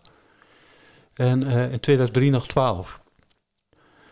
En toen denk ik, er is iets aan de gang, want er zijn veel meer mensen die hardlopen. En toen heb ik Henk Stevens, toenmalige race-director van de Zevelen Heuvelloop, zat in het bestuur van de Atletiek Unie, gesprek gehad. En toen hebben we eh Maarten van Bottenburg, Ja. wetenschapper, bewegingswetenschapper, Dus de gevraagd. presentatie geven over de hardloopgolven die er waren in die tijd. Ja, een klein ja. beetje. heeft toen een onderzoek laten doen voor het Mulier Instituut. Eh, en daar daar kwam uit naar voren dat mensen die hard liepen, ook bij marathons, ook nagevraagd, slechts 15% ging voor een prestatie, 65% gezondheid en fitheid.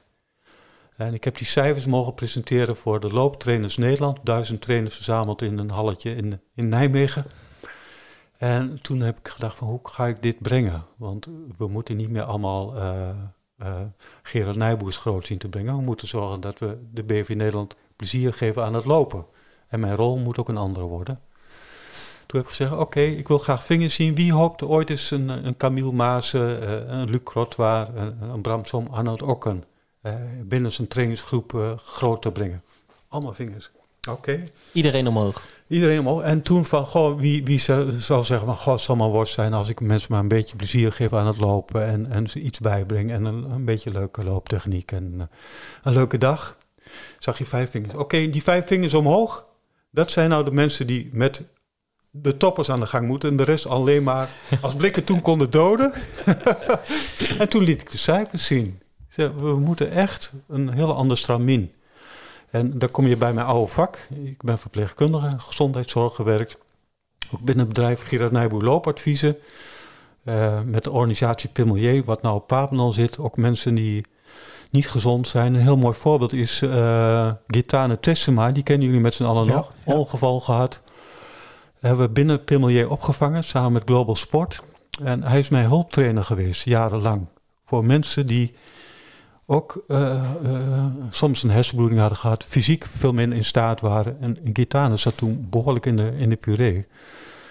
Maar hij kon al beter lopen dan die mensen daar. Dus hij- mentaal is hij geweldig opgekikkerd. En ik denk dat is, dat is de crux. De meeste mensen lopen niet meer voor die prestatie. En het grappige is, een Amerikaan, een vriend van mij, die mij altijd bezocht, die zegt, wat, wat zijn die mensen hier toch raar bezig in Nederland?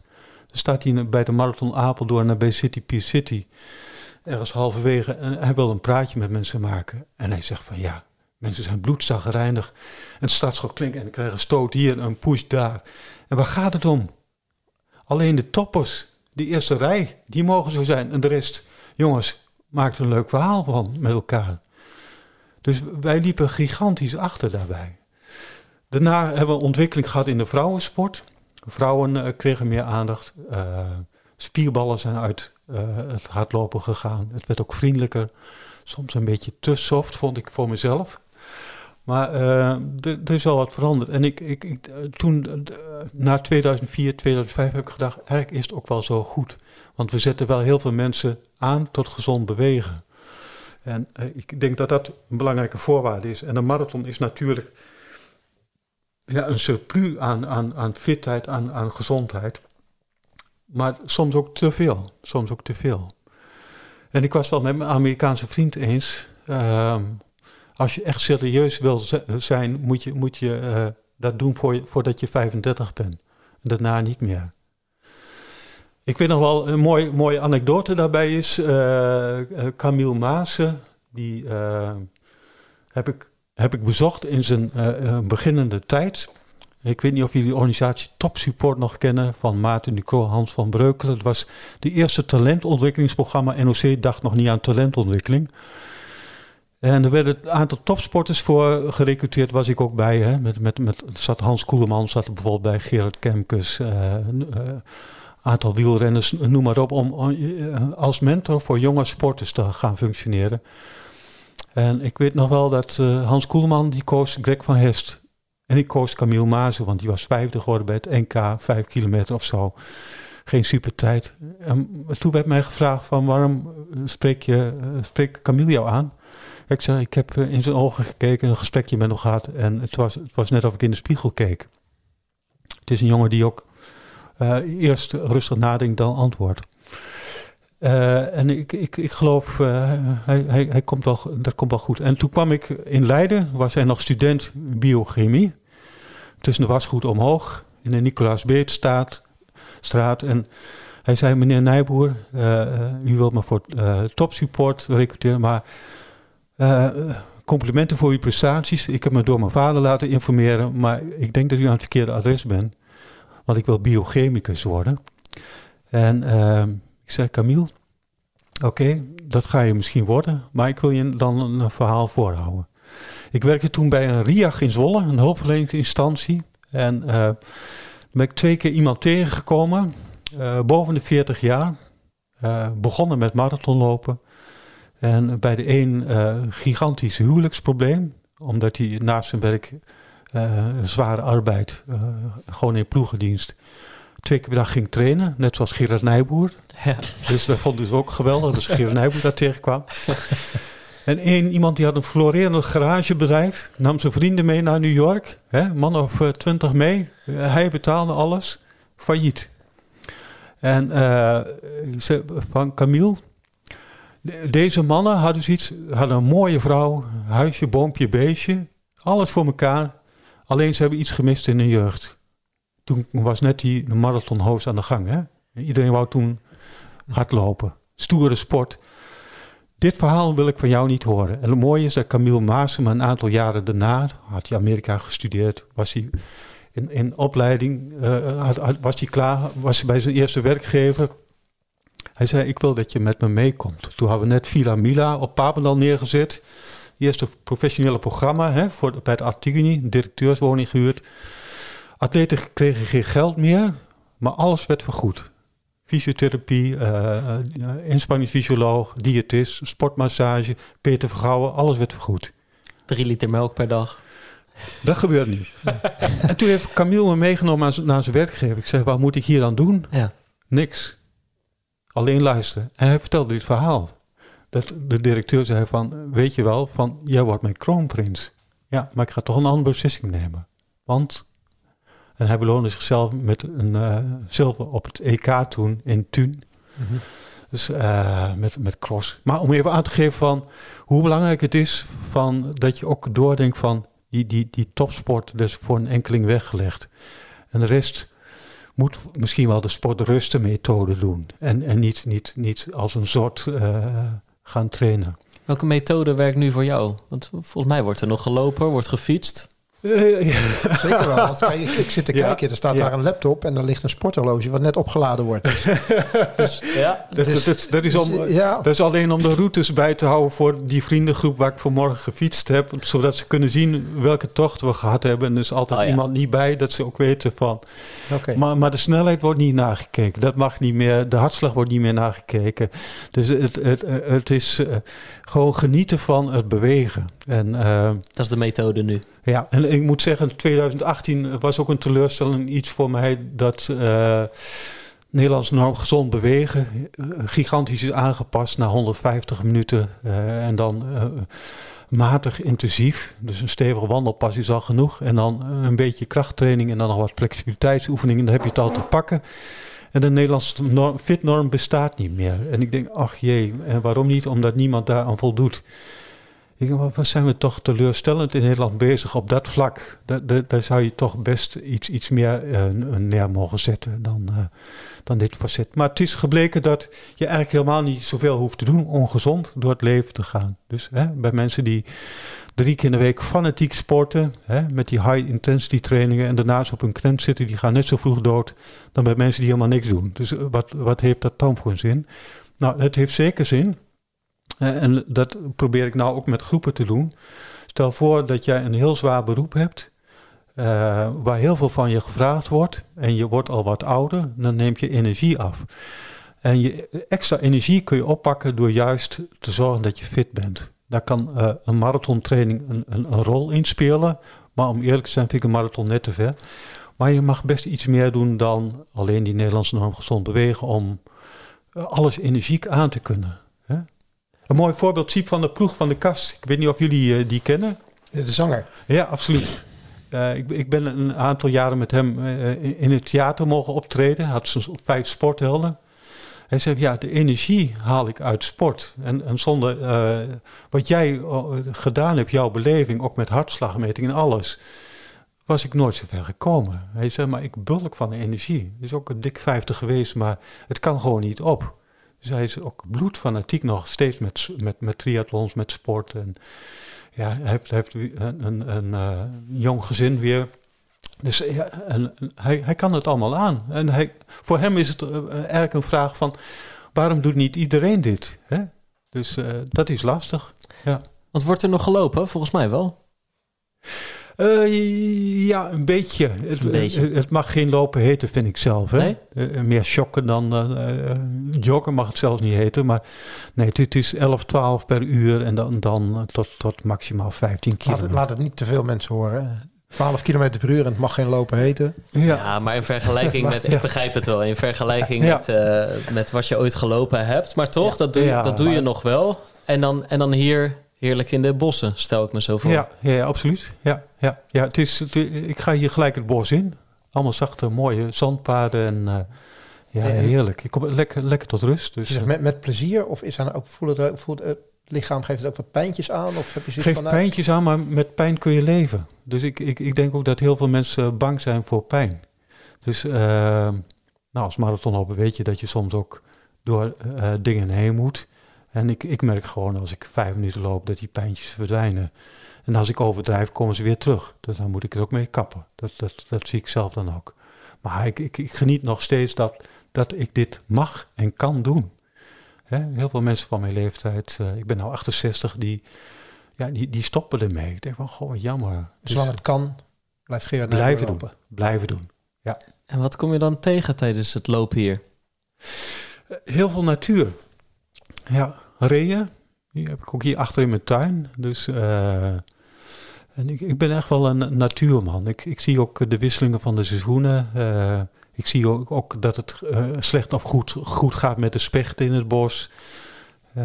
Ja, het is, het is voor mij steeds weer, weer, weer opnieuw naar buiten mogen. Dus, Wij liepen hier van tevoren even de tuin in.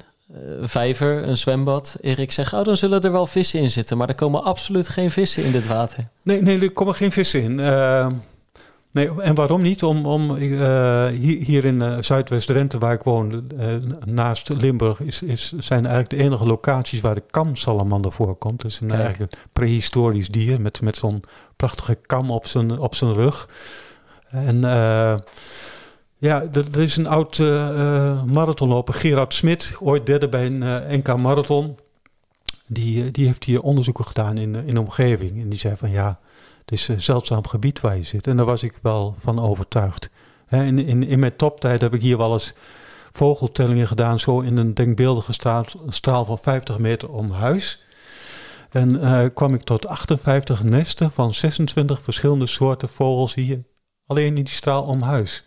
Dat hebben wij in Zijn Rotterdam niet. eh, nee, Denk nee. ik niet. Nee, maar goed, even om aan te geven hoe gek ik op natuur ben, maar ook de teleurgang daarvan. Hè? Ook eh, ja, bijvoorbeeld als, als hier op het landbouwgebied eh, de aardappels aan het spuiten zijn, dan gaan mijn aardappels ook eh, hangen, hè? Die, die, die ik in de groentetuin heb. Dus om ook aan te geven van, eh, dat we met een gigantisch gifprobleem zitten. Hè? Dus we hebben hier, Drenthe is de tweede provincie nou in de, in de bollenteelt. Ja. Nou, je ziet geen weidevogels meer. Er zit, zit geen leven meer in de bodem. Dus eh, dat, dat zijn dingen die me nu bezighouden. En ook tijdens mijn tochten met fietsen, met wandelen, met hardlopen. Wandelen doe ik trouwens ook. Eh, maar ik zie, constateer dat het, dat het ja, toch, toch wat dingen eh, ja, toch beter en anders moeten. Want je voelt je hier nog steeds optimaal op je plek. Want je bent hier gaan wonen. En Ja. We zijn 30, 35 jaar geleden. Ja. Aan het einde van... Komt, je komt hier aanrijden, doodlopende weg. Het laatste huis Ja. is het huis van Gerard Nijboer. Is dat een bewuste keuze geweest? Dit was wel een van de plekjes dat ik denk van, goh, hier zou ik wel willen wonen. Maar eh, en, eh, eh, een bewuste keuze was het omdat ik het wel heel fijn vond om in alle rust mijn trainingen te doen, me op mezelf te kunnen concentreren. Ehm, ja, dat, dat, dat, dat is nog steeds zo. Ik, eh, ik haal de, heel veel energie uit, uit dit huis, uit, uit de natuur.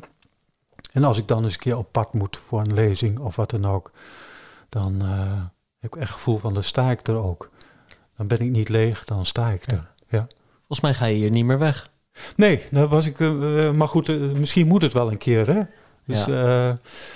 Het, is, ook. eh, ik, ik heb geen eh, superpensioen, maar eh, ik, ik kan me goed redden. Dus. en ik, ik, ik ben ook wel bezig met, met dingen aan het experimenteren. Dus ik, ik, heb dus een jaar gedaan zonder gebruik van gas. Dus koud douchen. En dat, dat is prima. Dat is goed voor je bloedsomloop. En je, ik merk gewoon dat je daar heel makkelijk ook aan went. Dat het ook geen opgave is of wat dan ook. Wat voor sommige mensen wel het geval is. En, En, en, en andere experimenten? nou, experimenten, maar ook, ook eh, hoe kun je het huis warm houden met, met alleen een houtkachel. Dus eh, je eigen hout eh, zagen en kloven en eh, moet je niet met een machientje doen, maar moet je met de hand doen. Dat is het leukste werk. Machtig mooi werk. Ja. Beetje, je- terug, beetje terug in de tijd zo weer. En dan, ja, maar wel, wel een beetje introvert. Aan de andere kant doe ik nog wel wat dingen dat, ik- dat ik af en toe eh, ja, toch, toch wel naar buiten kom. En eh, mijn vriendin woont in Haarlem, dus ik kom af en toe toch wel in de stad. Tussen aanhalingstekens mag ik zeggen. Maar het, is, het is niet eh, mijn, mijn ambitie om eh, hier weg te gaan en om echt een andere locatie te zoeken waar ik de gezelschap van mensen op zoek. Dat, wij dat zijn nu hier naar jou toe gekomen. Ben je iemand die veel mensen hier naartoe haalt? Of ben je liever hier op jezelf? Is mij om het even. Ik vind het leuk om mensen te ontvangen. Ik vind het ook leuk om een beetje gastvrij te zijn.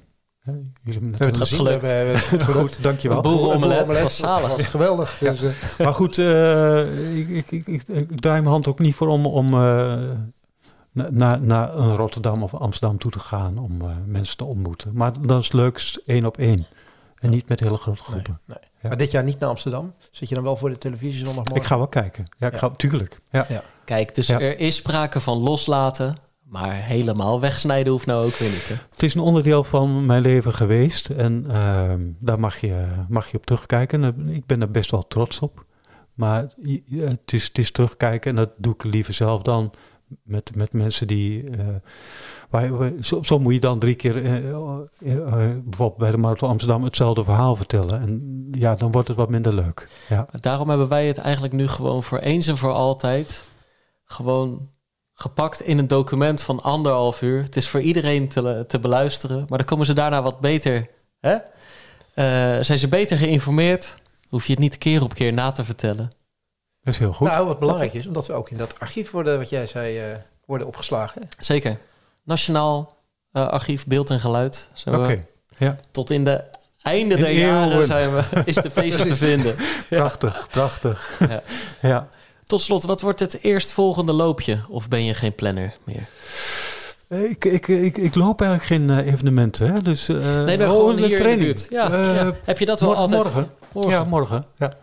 Ik probeer om de dag. Dus die dag daarna eh, weer fietsen. Dus, of wandelen. Dus, eh, Heb je vaste rondjes? eh, voor een deel, maar ik wijk er de laatste tijd heel vaak van af. Dus eh, ik denk van, goh, hier ben ik lang niet geweest. Een stukje bos wat eh, bijna dichtgegroeid is. Even kijken hoe het hier eruit ziet.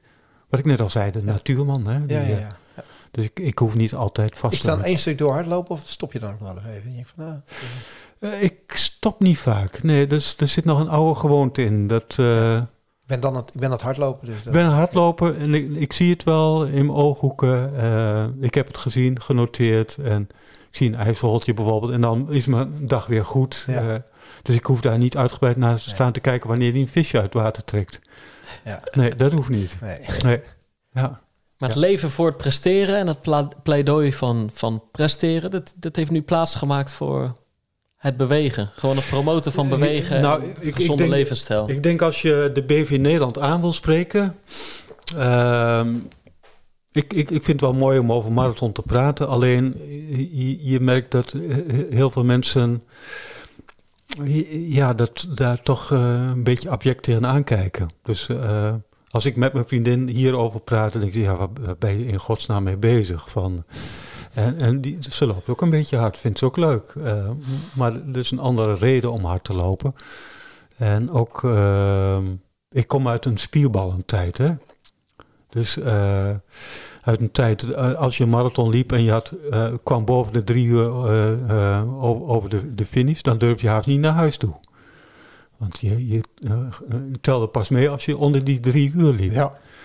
Dus, en, en ook in die tijd, hè, als je als deelnemer aan een evenement mee, ook al was het een 10 kilometer, dan wou je vragen, wie heeft er gewonnen na afloop? Ook de laatste deelnemer wou weten wie er gewonnen heeft. En hoe ver zit ik erachter? Dus die competitie, die zat er toen heel erg in. Kom je nou niet meer, mee eh, weg? Dat, dat, kan helemaal niet.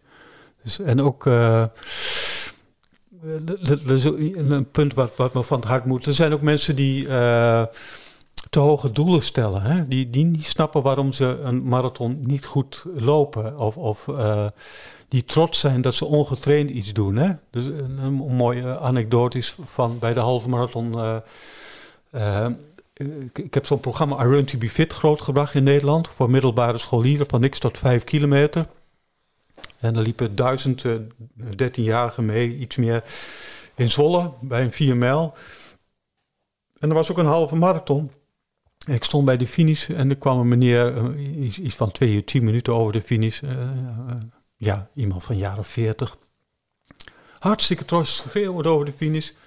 En hij had foto's staan. Wil je een foto van mij maken? Van, hij kende mij niet, maar goed. Ik zei, ja, waarom bent u zo blij? Ja, ja, ja. Eh, het is twee uur tien en ik heb niet getraind. Ik ben zo trots op mezelf. ik zeg, sorry meneer, van, eh, ik ga een foto van u maken. En eh, ja, ook even een handtekening van, want ik begreep dat u ook eerder gelopen hebt. En ja, oké. En ik heb eronder gezet beterschap. Volgend recept volgen. Drie keer in de week trainen. Minimaal drie kwartier. En u verbetert uw record minimaal met 20 minuten vol, volgend jaar. Succes. Ja. Dus eh, om even aan te geven van... Denk, oh jee, er staan mensen bij de EHBO die eh, mensen opvangen die, die ook ongetraind hebben. Eh, Naast het feit, je kunt ook getraind en, en er kan iets gebeuren. Maar dit kun je, dit kun je gewoon niet maken. Dat kun je niet doen. Maar het wordt ook een beetje ehm, gepromoot door de organisatie natuurlijk, die die eindtijd alleen maar oprekken. Opgerekt, En- ja. Ja, ja, ja, ja klopt. Ja, ja.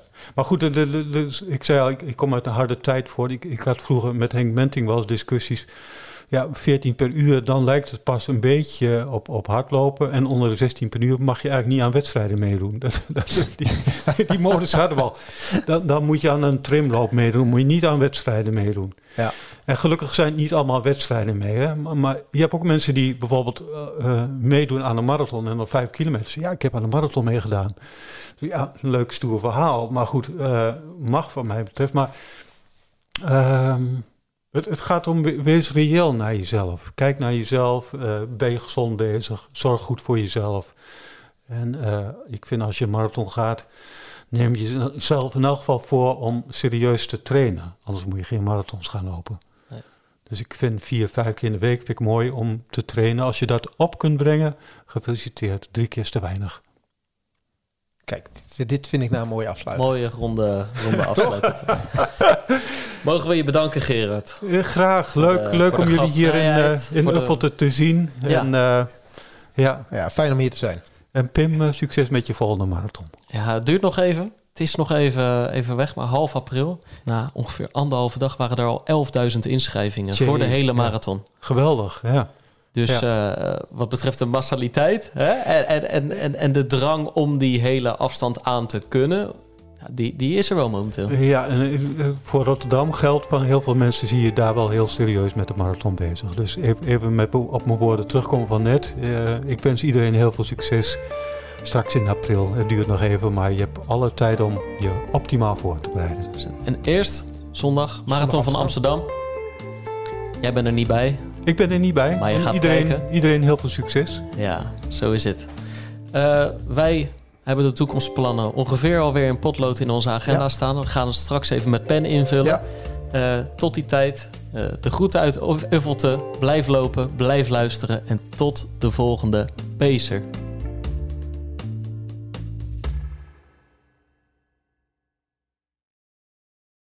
Dit is de gevreesde zoemer die na 60 seconden pitchen afgaat. Lukt het startende ondernemers om binnen deze tijd hun businessidee uit te leggen aan een vakkundige jury? Welkom op de stip. Ben je er klaar voor om jouw pitch te gaan geven? As ready as can be, ja. Ik ben er klaar voor. Denk het wel. Ik, Fabienne de Vries, neem jou mee in Droomstart. Die klok maakt je wel zenuwachtig.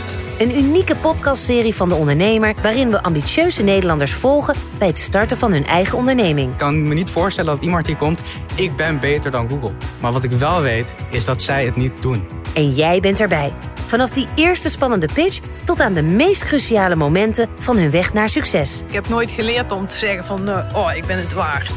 Volg Droomstart in je favoriete podcast-app en mis niets van dit unieke kijkje achter de schermen. Droomstart is een initiatief van de ondernemer en podcastbureau As We Speak.